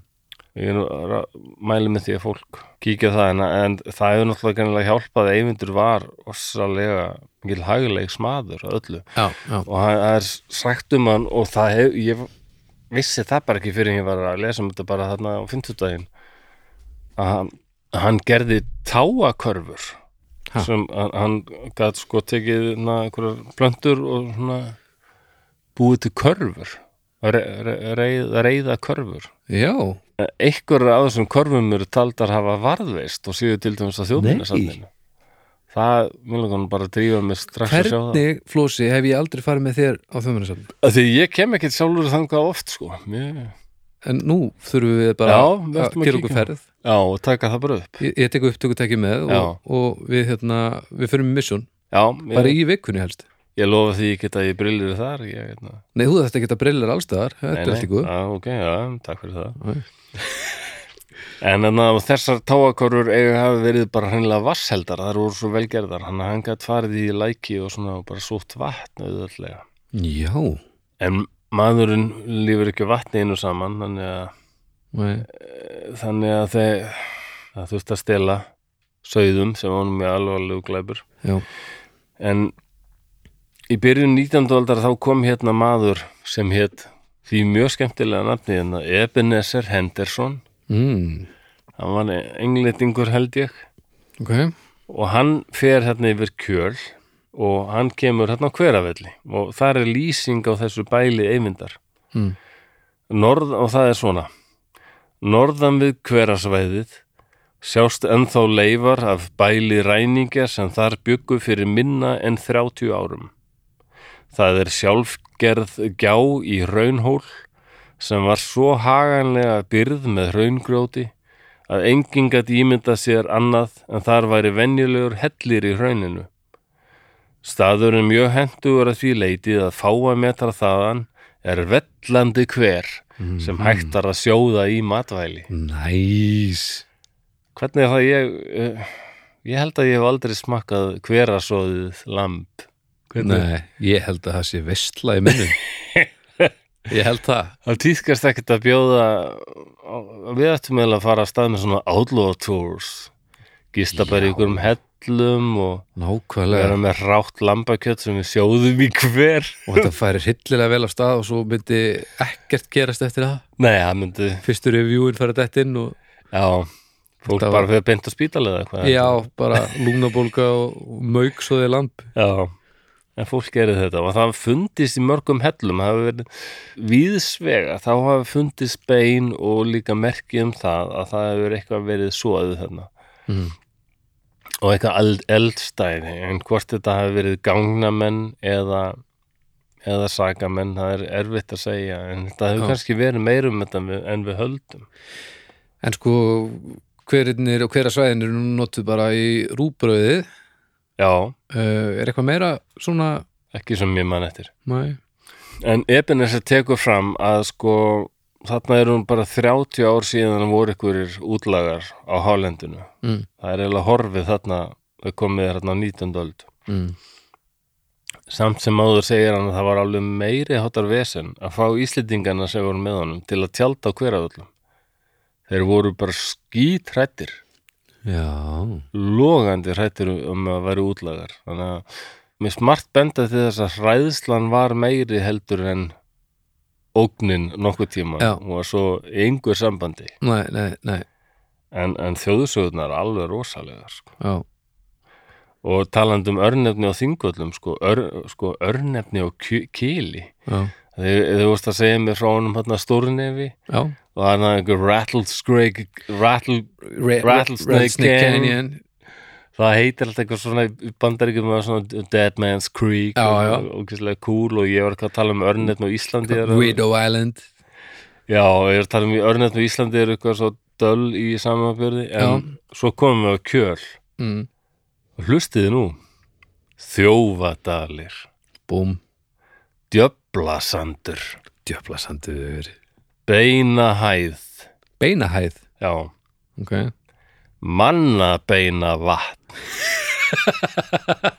Vá Mannabennavatn Já, Þetta er nú satt pínu svona eins og fyrsti bekkur í grunnskóla að fengja það, já, mannabeina vatn, já það rúlar ekki vel en Þetta heitir til Já, ok, Ég held að þeir myndi þykir dóðnælega en mannabeina vatn renna fyrir fisk í mannabeina vatni Mannabeina vatn hljóma bara pínu astnalega en, Já, ok. en þú veist, En svo er líka draugháls draugháls Já, og döðsmannskil Þannig er bara komið bara Dead Man's Canyon Nákvæmlega, þarna erum við bara Já. þetta er það vestrænasta sem ég hef heyrt Döðsmannskil Döðsmannskil og svo klikkjum við út með líkaborg Líkaborg, Já Hvað er þetta? hvað er Líkaborg? Já, við, eh, það er ekki Sérst, hérna, hvernig staður er það? ekki hérna leikskóli held ég En þú veist, er þetta Líkaborg Líkaborg, er þetta þá bara eitthvað hraun eða Já, það er, er það yfir mann rétt þá er það hraun, Spo- dimmuborgir og allt þetta, þetta er svona hraunbreið á Já. Líkaborg Líkaborg Það er rama Já, ég held að já, þetta er aldrei voðalegt sko. og það er bara enn hver reynd á kýli og það er bara Já, kjölur, það voru margir rosalega hrættir að fara þannum sko. já, Já, ég, svo ætlaði ég að lesa hérna skýslu Brynjóls Sigurssonar, síslumanns, sem er daldið, að því hann, hann lýsir svo, svo vel, sko, hvernig aðkoman er að hýbíli, mér skamma hvernig hann, hvað hann nefnir mánuðina. Þetta er 1762. Annó 1762, þann fyrsta októbris, októberis þann fyrsta októbris sem var föstudagur fóru 33 karlar með 45 hesta frá Kaldbak í Ytri hrepp. Held þetta sé fyrir sunnan. Upp á fjöll að leita eftir mönnum sem þar höfðu sést þann 7. septembris Við getum ekki til þess vegna að þessu var breytt. Nei. við, tengjum, við erum búin að breyta þessi ber Mm, Já, bris er eitthvað allt annað Já, já það er komið 24. desembris, gleðileg jól. Það gengur ekki. Nei, okkur hættu, já 3. októbris Nei, við getum, ó. Hann heldur áfram. 3. októbris eh, fundust hýbíli þjófana. Vestan til við Arnarfell undir jöklinum. Hér um bil þrjár þingmannaleiðir. Hmm. Og ein þingmannaleið er 37,5 kilometrar. Þannig að þetta er nú, Já. þetta er dágóður En slatti. hvaðan kemur svo maður leining, veistu það?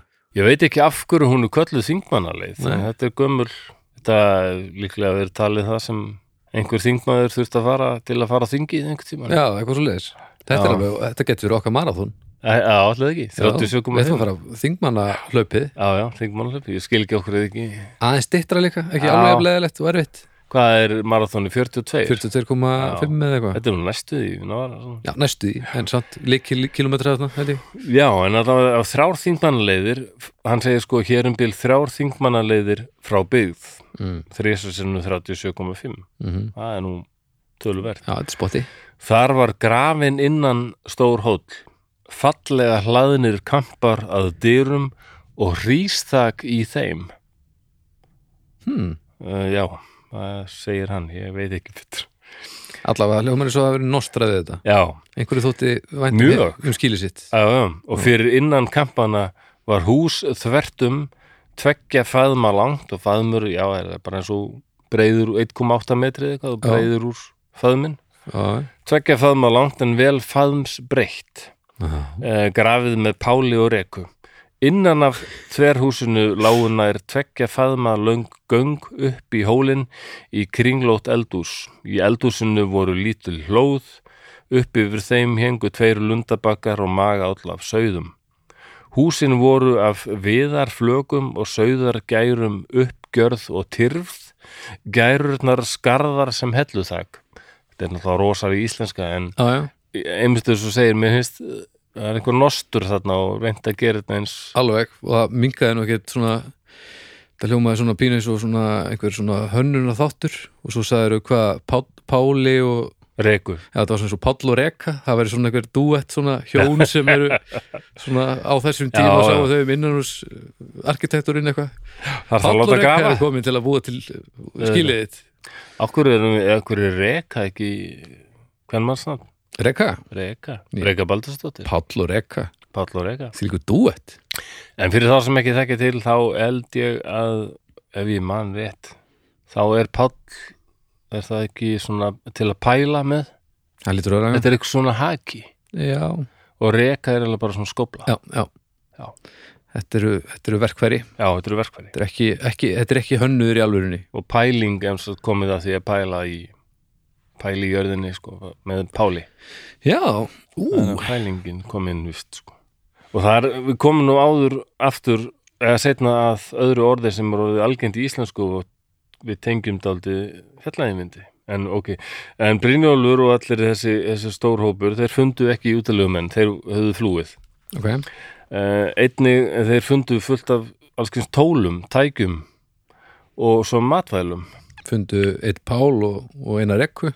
Já, og hérna, þeir fundu nokkur sauðahöfuð sem voru mert og reyndust vera frá ymsum bæjum.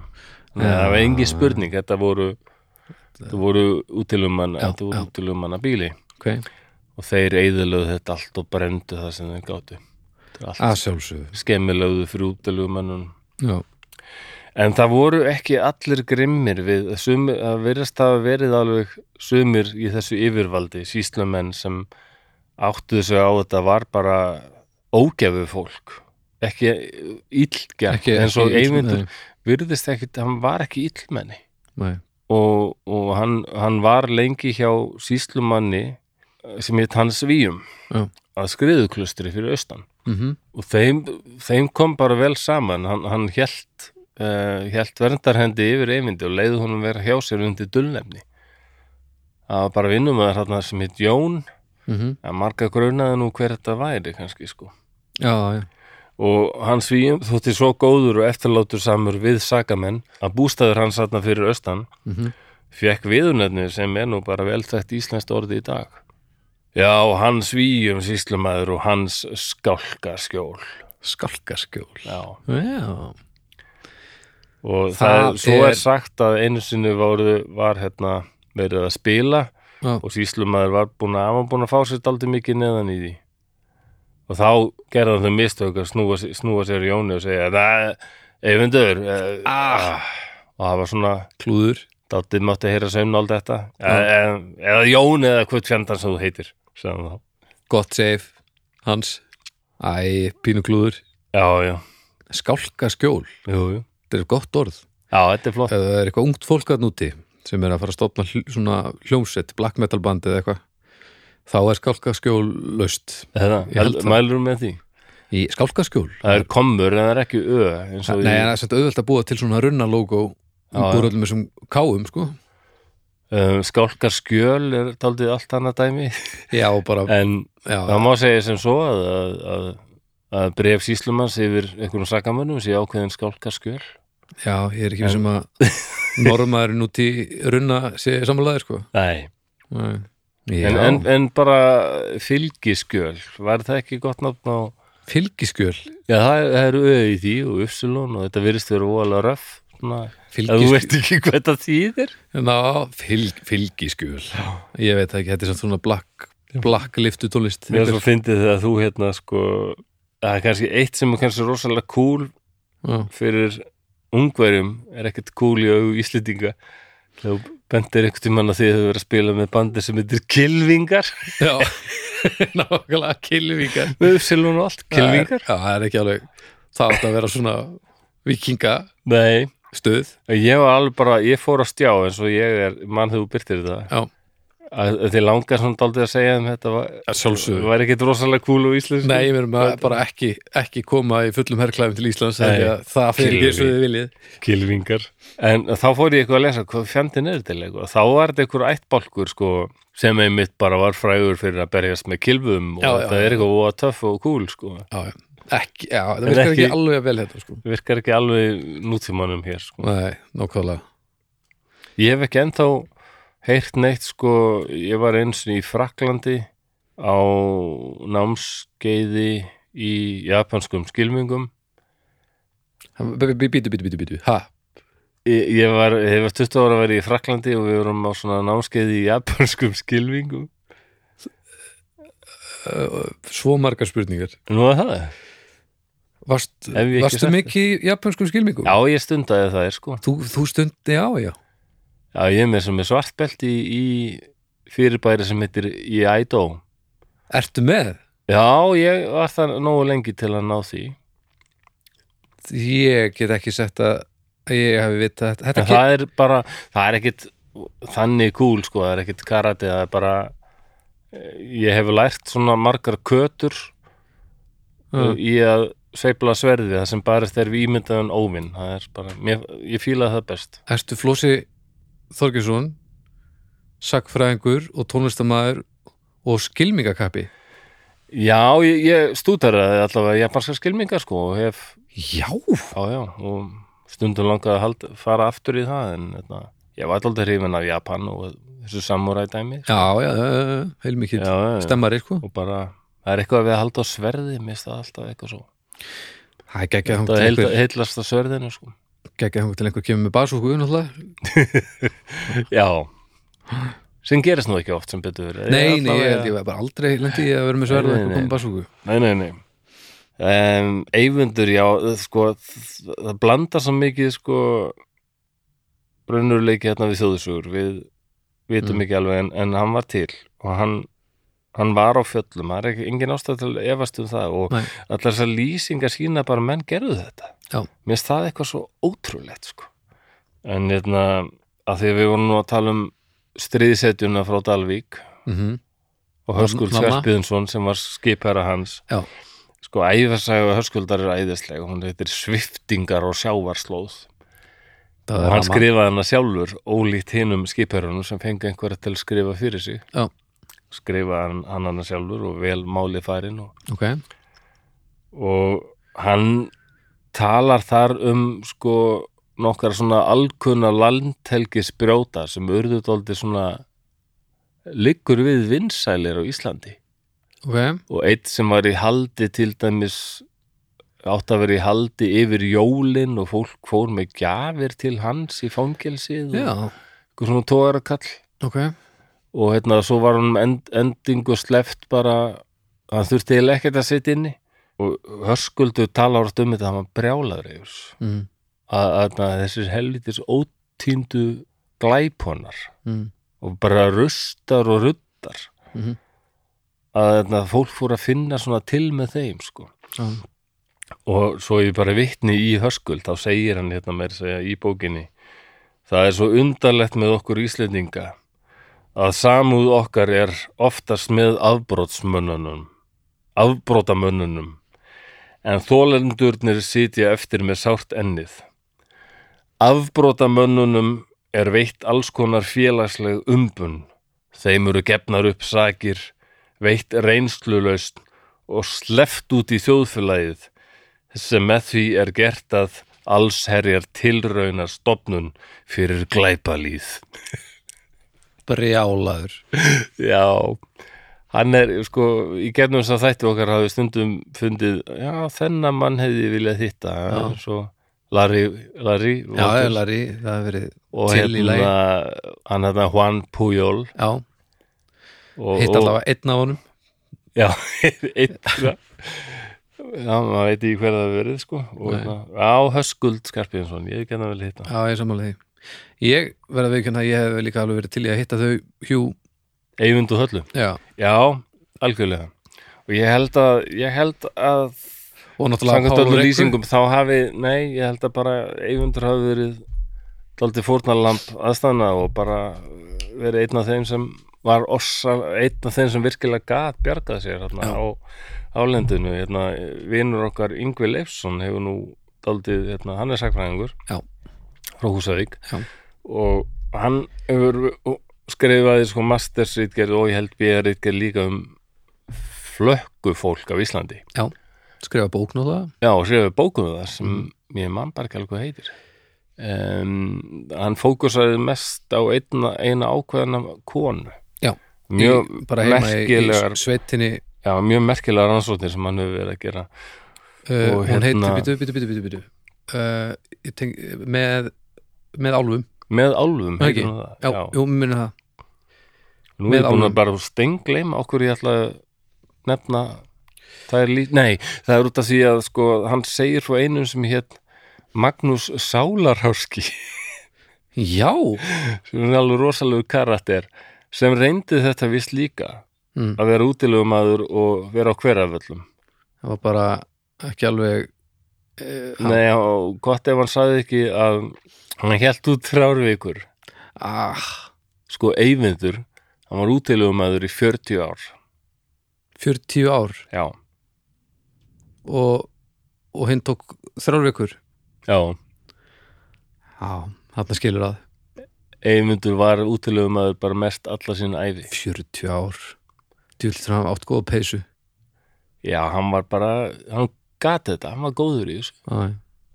Æ, En þessi Magnús Sólarhóski, hann hann sem sagt vann með eitthvað sauðakjöt og hann líða því í fyrstu vikuna svo var það búið og eh, næstu vikuna líða meir og minna bara okkur drekka vatn og reyna að geta okkur plöntur okay. og þriðu vikuna þá líða hann einungis á, möl guð, á guðsorðinu einu saman já, hann sagði að svo vika var verst já. ég elskulegur það er mjög, mjög æðislegu karakter, við þurfum til að taka hann fyrir bara, einhvern tímann. Magnús Sólarhóski Hey, já, við verðum að láta hérna uh, fara og lesa bókina hans yngva, hún er Já. æðisleg Já, hún er, þetta er mjög merkilega pæling og kuldalegt og óðalegt og alveg. Já, og líka bara að meta það sem svo kona gekk í gegnum og að Já. vera að lesa um veranda norðan sko, af því að þetta er náttúrulega allt sem er að gerast bara í sveitinni þar sem ég er að alast upp sko, Já, þetta er allt þar. þetta er of þetta er svo yfirgengilegt sko, Já, með Þetta er álfum já. Eymundur Hamar, hann, þeir náðu hand saman þrísvar, hann slapp í öll skiptin. mm. Halla var, þeir náðu henni oftar, sko. Var Og- Halla með honum uh, alla tíð hún var eh, með honum mest megnis já, en hann var, það var einhver samt, einhver tímapunktur þar sem hann var bara einn já, já, Já. það var alveg en þau virtust alveg óaðskiljanleg og Já, já. sko, hún var tekin og, og fekk kannski verðaldið frál sko, okay. en það endanum þá bara segir hún það er þetta fræga, þessi fræga sena þar sem hún segir bara fagurt er á fjöllunum núna mm. svo er hún bara horfin Jú, þann, romantíkin er þarna náttúrulega Þú veist, romantíkin í þeim tveimur og já, þa- þarna er útlaða romantíkin sem, að, og ég, ég er sem að, ég var náttúrulega að í- reyna að halda fram á þann að vera ekki til sko. Já, og svo náttúrulega f- f- er ekki ég þekki þá sögur reyndar ekki vel en það er eitthvað að tala um að hún eigi að hafa sko hent barni sínu í goðafoss eða í ykkur foss sem er náttúrulega bara sofðu unga ástin mín Já, það er, það er það það er um það sko. Já.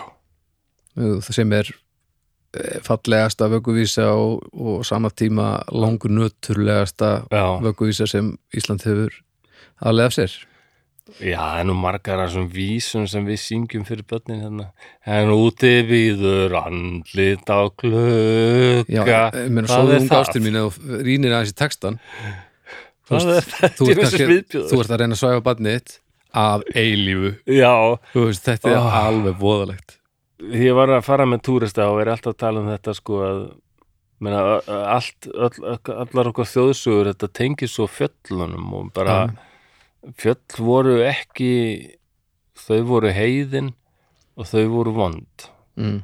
að því að það hlaut að vera mér er svo skemmtileg sko þjóðsagan sem á, á hefur líklega verið sko svona brandari en segir svo mikið sem er þjóðsum Jóns Ornarssonar að einhver tímann þá voru sko þá voru Guð og Satan Mm. sem eru nú eitthvað tengdir jú, jú.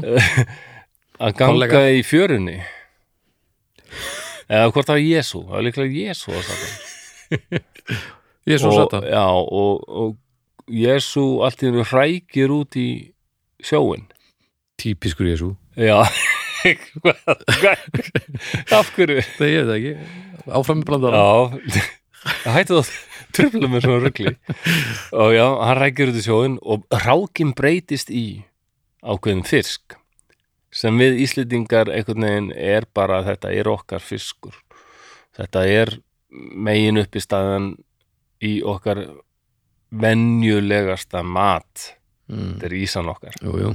hræja þann góða já, Já. blessu ísan, hún er alltaf á sínum stað að nóa af henni og hún eldur í okkur lífinu mm. Ísa er bara góð líka finnst mér en það breytir en, en Satan ákveður nú að gera eitthvað líka já, þannig að hann hrækir út í sjóin og það breytist í dýr sem fólk hefur náttúrulega ekkert fattað af hverju Guð var að búa til þessa skepnu Aha, því mann- að hún er mannúðurinn. ekki notæf að neinu leiti og er bara til við vandræða þetta var sem, þetta er nú reyndar lífura sem ég hefst alveg óslega heillandi og fallega, Já. marglistan marglittan, já, já, gamla sjáartekju þetta hefur Íslendingum hérna ára 1700 og eitthvað hundur rosalega fyndin saga, já en þetta segir einhvern veginn sko, Þessir brandarar, þarna 1700 eitthvað, þeir voru nú ekkert að fljúa aftan á andrisblöðinu það. nei, ég held Nei. ekki það er oft, það þarf nú ekki að fara lengra bara þú getur fæðið til 50 og eitthvað í tímarit.is og fundið eitthvað brandara síðu Já, og maður bara, hvað er þetta? já þetta það var gallsúr húmur Já, þarna. já, búinst það rasískur oft sko, Já, já. alveg bara En mér finnst þessi saga benda dálítið til þess að sko, það er svo auðlust að fólk allt sem er gott og nýtilegt hérna Mm, það er náttúrulega frá Guði, Já, allt já. tengdist Guði Sjálfsög. og fjöllin og þetta þessi eldfjöll og allt þetta það er ekkert nýtilegt, þetta er bara eitthvað annað dæmi, Já, þetta er eitthvað vont frekar já. það lítur að vera frá einhverjum öðrum öflum sem eru okkur ekkert vinnveitt Mm Það- þannig að fjöllin tengdust bara einhverjum Kölska. óhugnaði Já. já, og þar voru tröll og fórinjur og útlagar og þarna Mm eða kannski einhver var að hóa undarlega dyrum kallarum -hmm. Útilega. manni út á það hraun já, já, já, Nákvæmlega.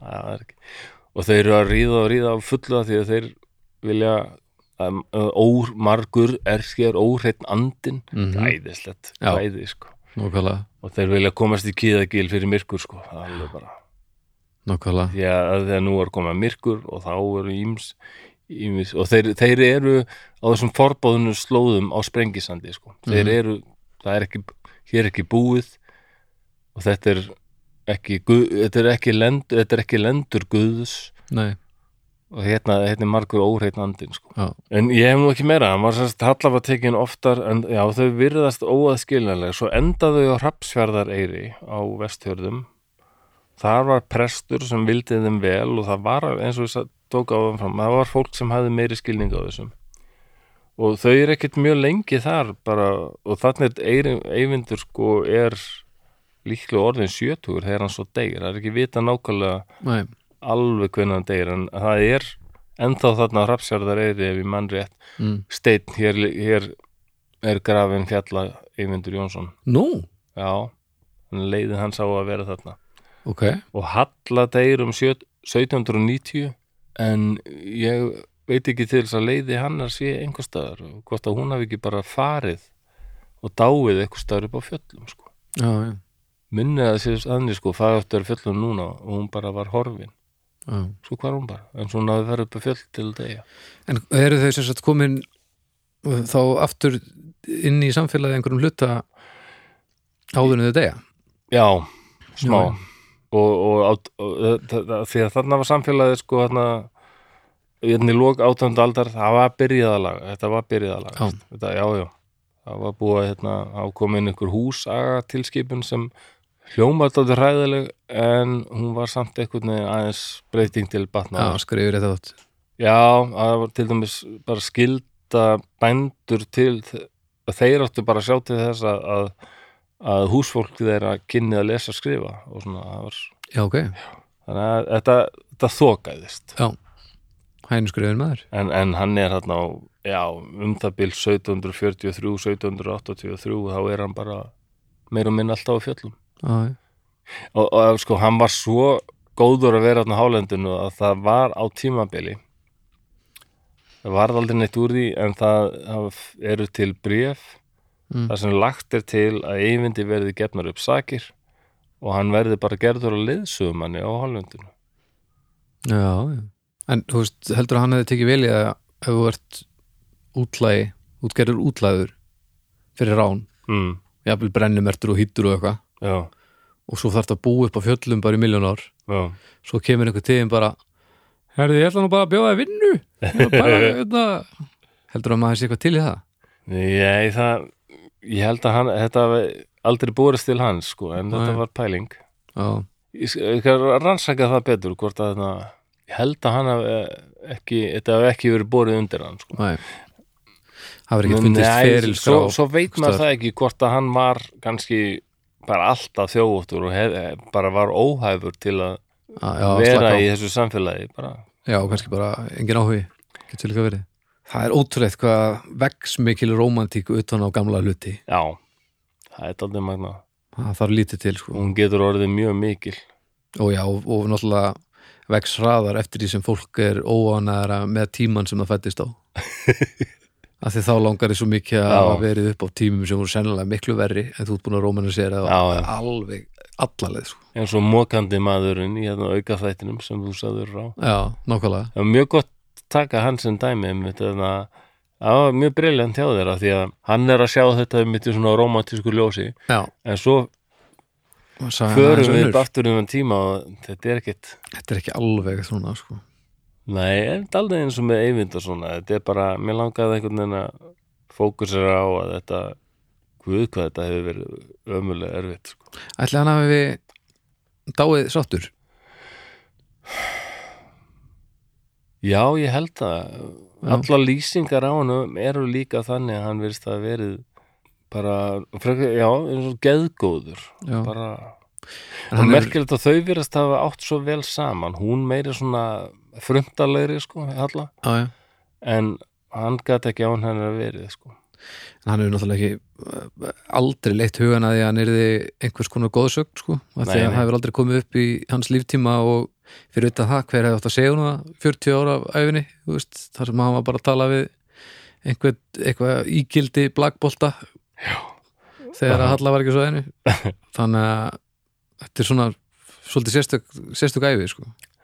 mjög en já, ég hef ekki meira um erum við ekki bara komnir að, að leiðarlokum það jú, á að minnast aftur á löðkirkjuna já, ekki náða eldsnögn núna svona. það er bara svona mánudöfum, er það dómstæður Mhm. mm. þriðudöfum er, eða kokkaflakki erun á miðgudöfum er það draugafortjar, fimmtudöfum snæpið talað fólk, og föstum besta plata hárétti og þeirflúsi ég er búin að læra þetta Þú ert búin að læra þetta Við munum þá bara heyrast aftur eftir viku með eitthvað Já. glænýtt eh, glægamalt brakandi semifærst uh, málefni úr, já, úr heilanum hans flosa Já.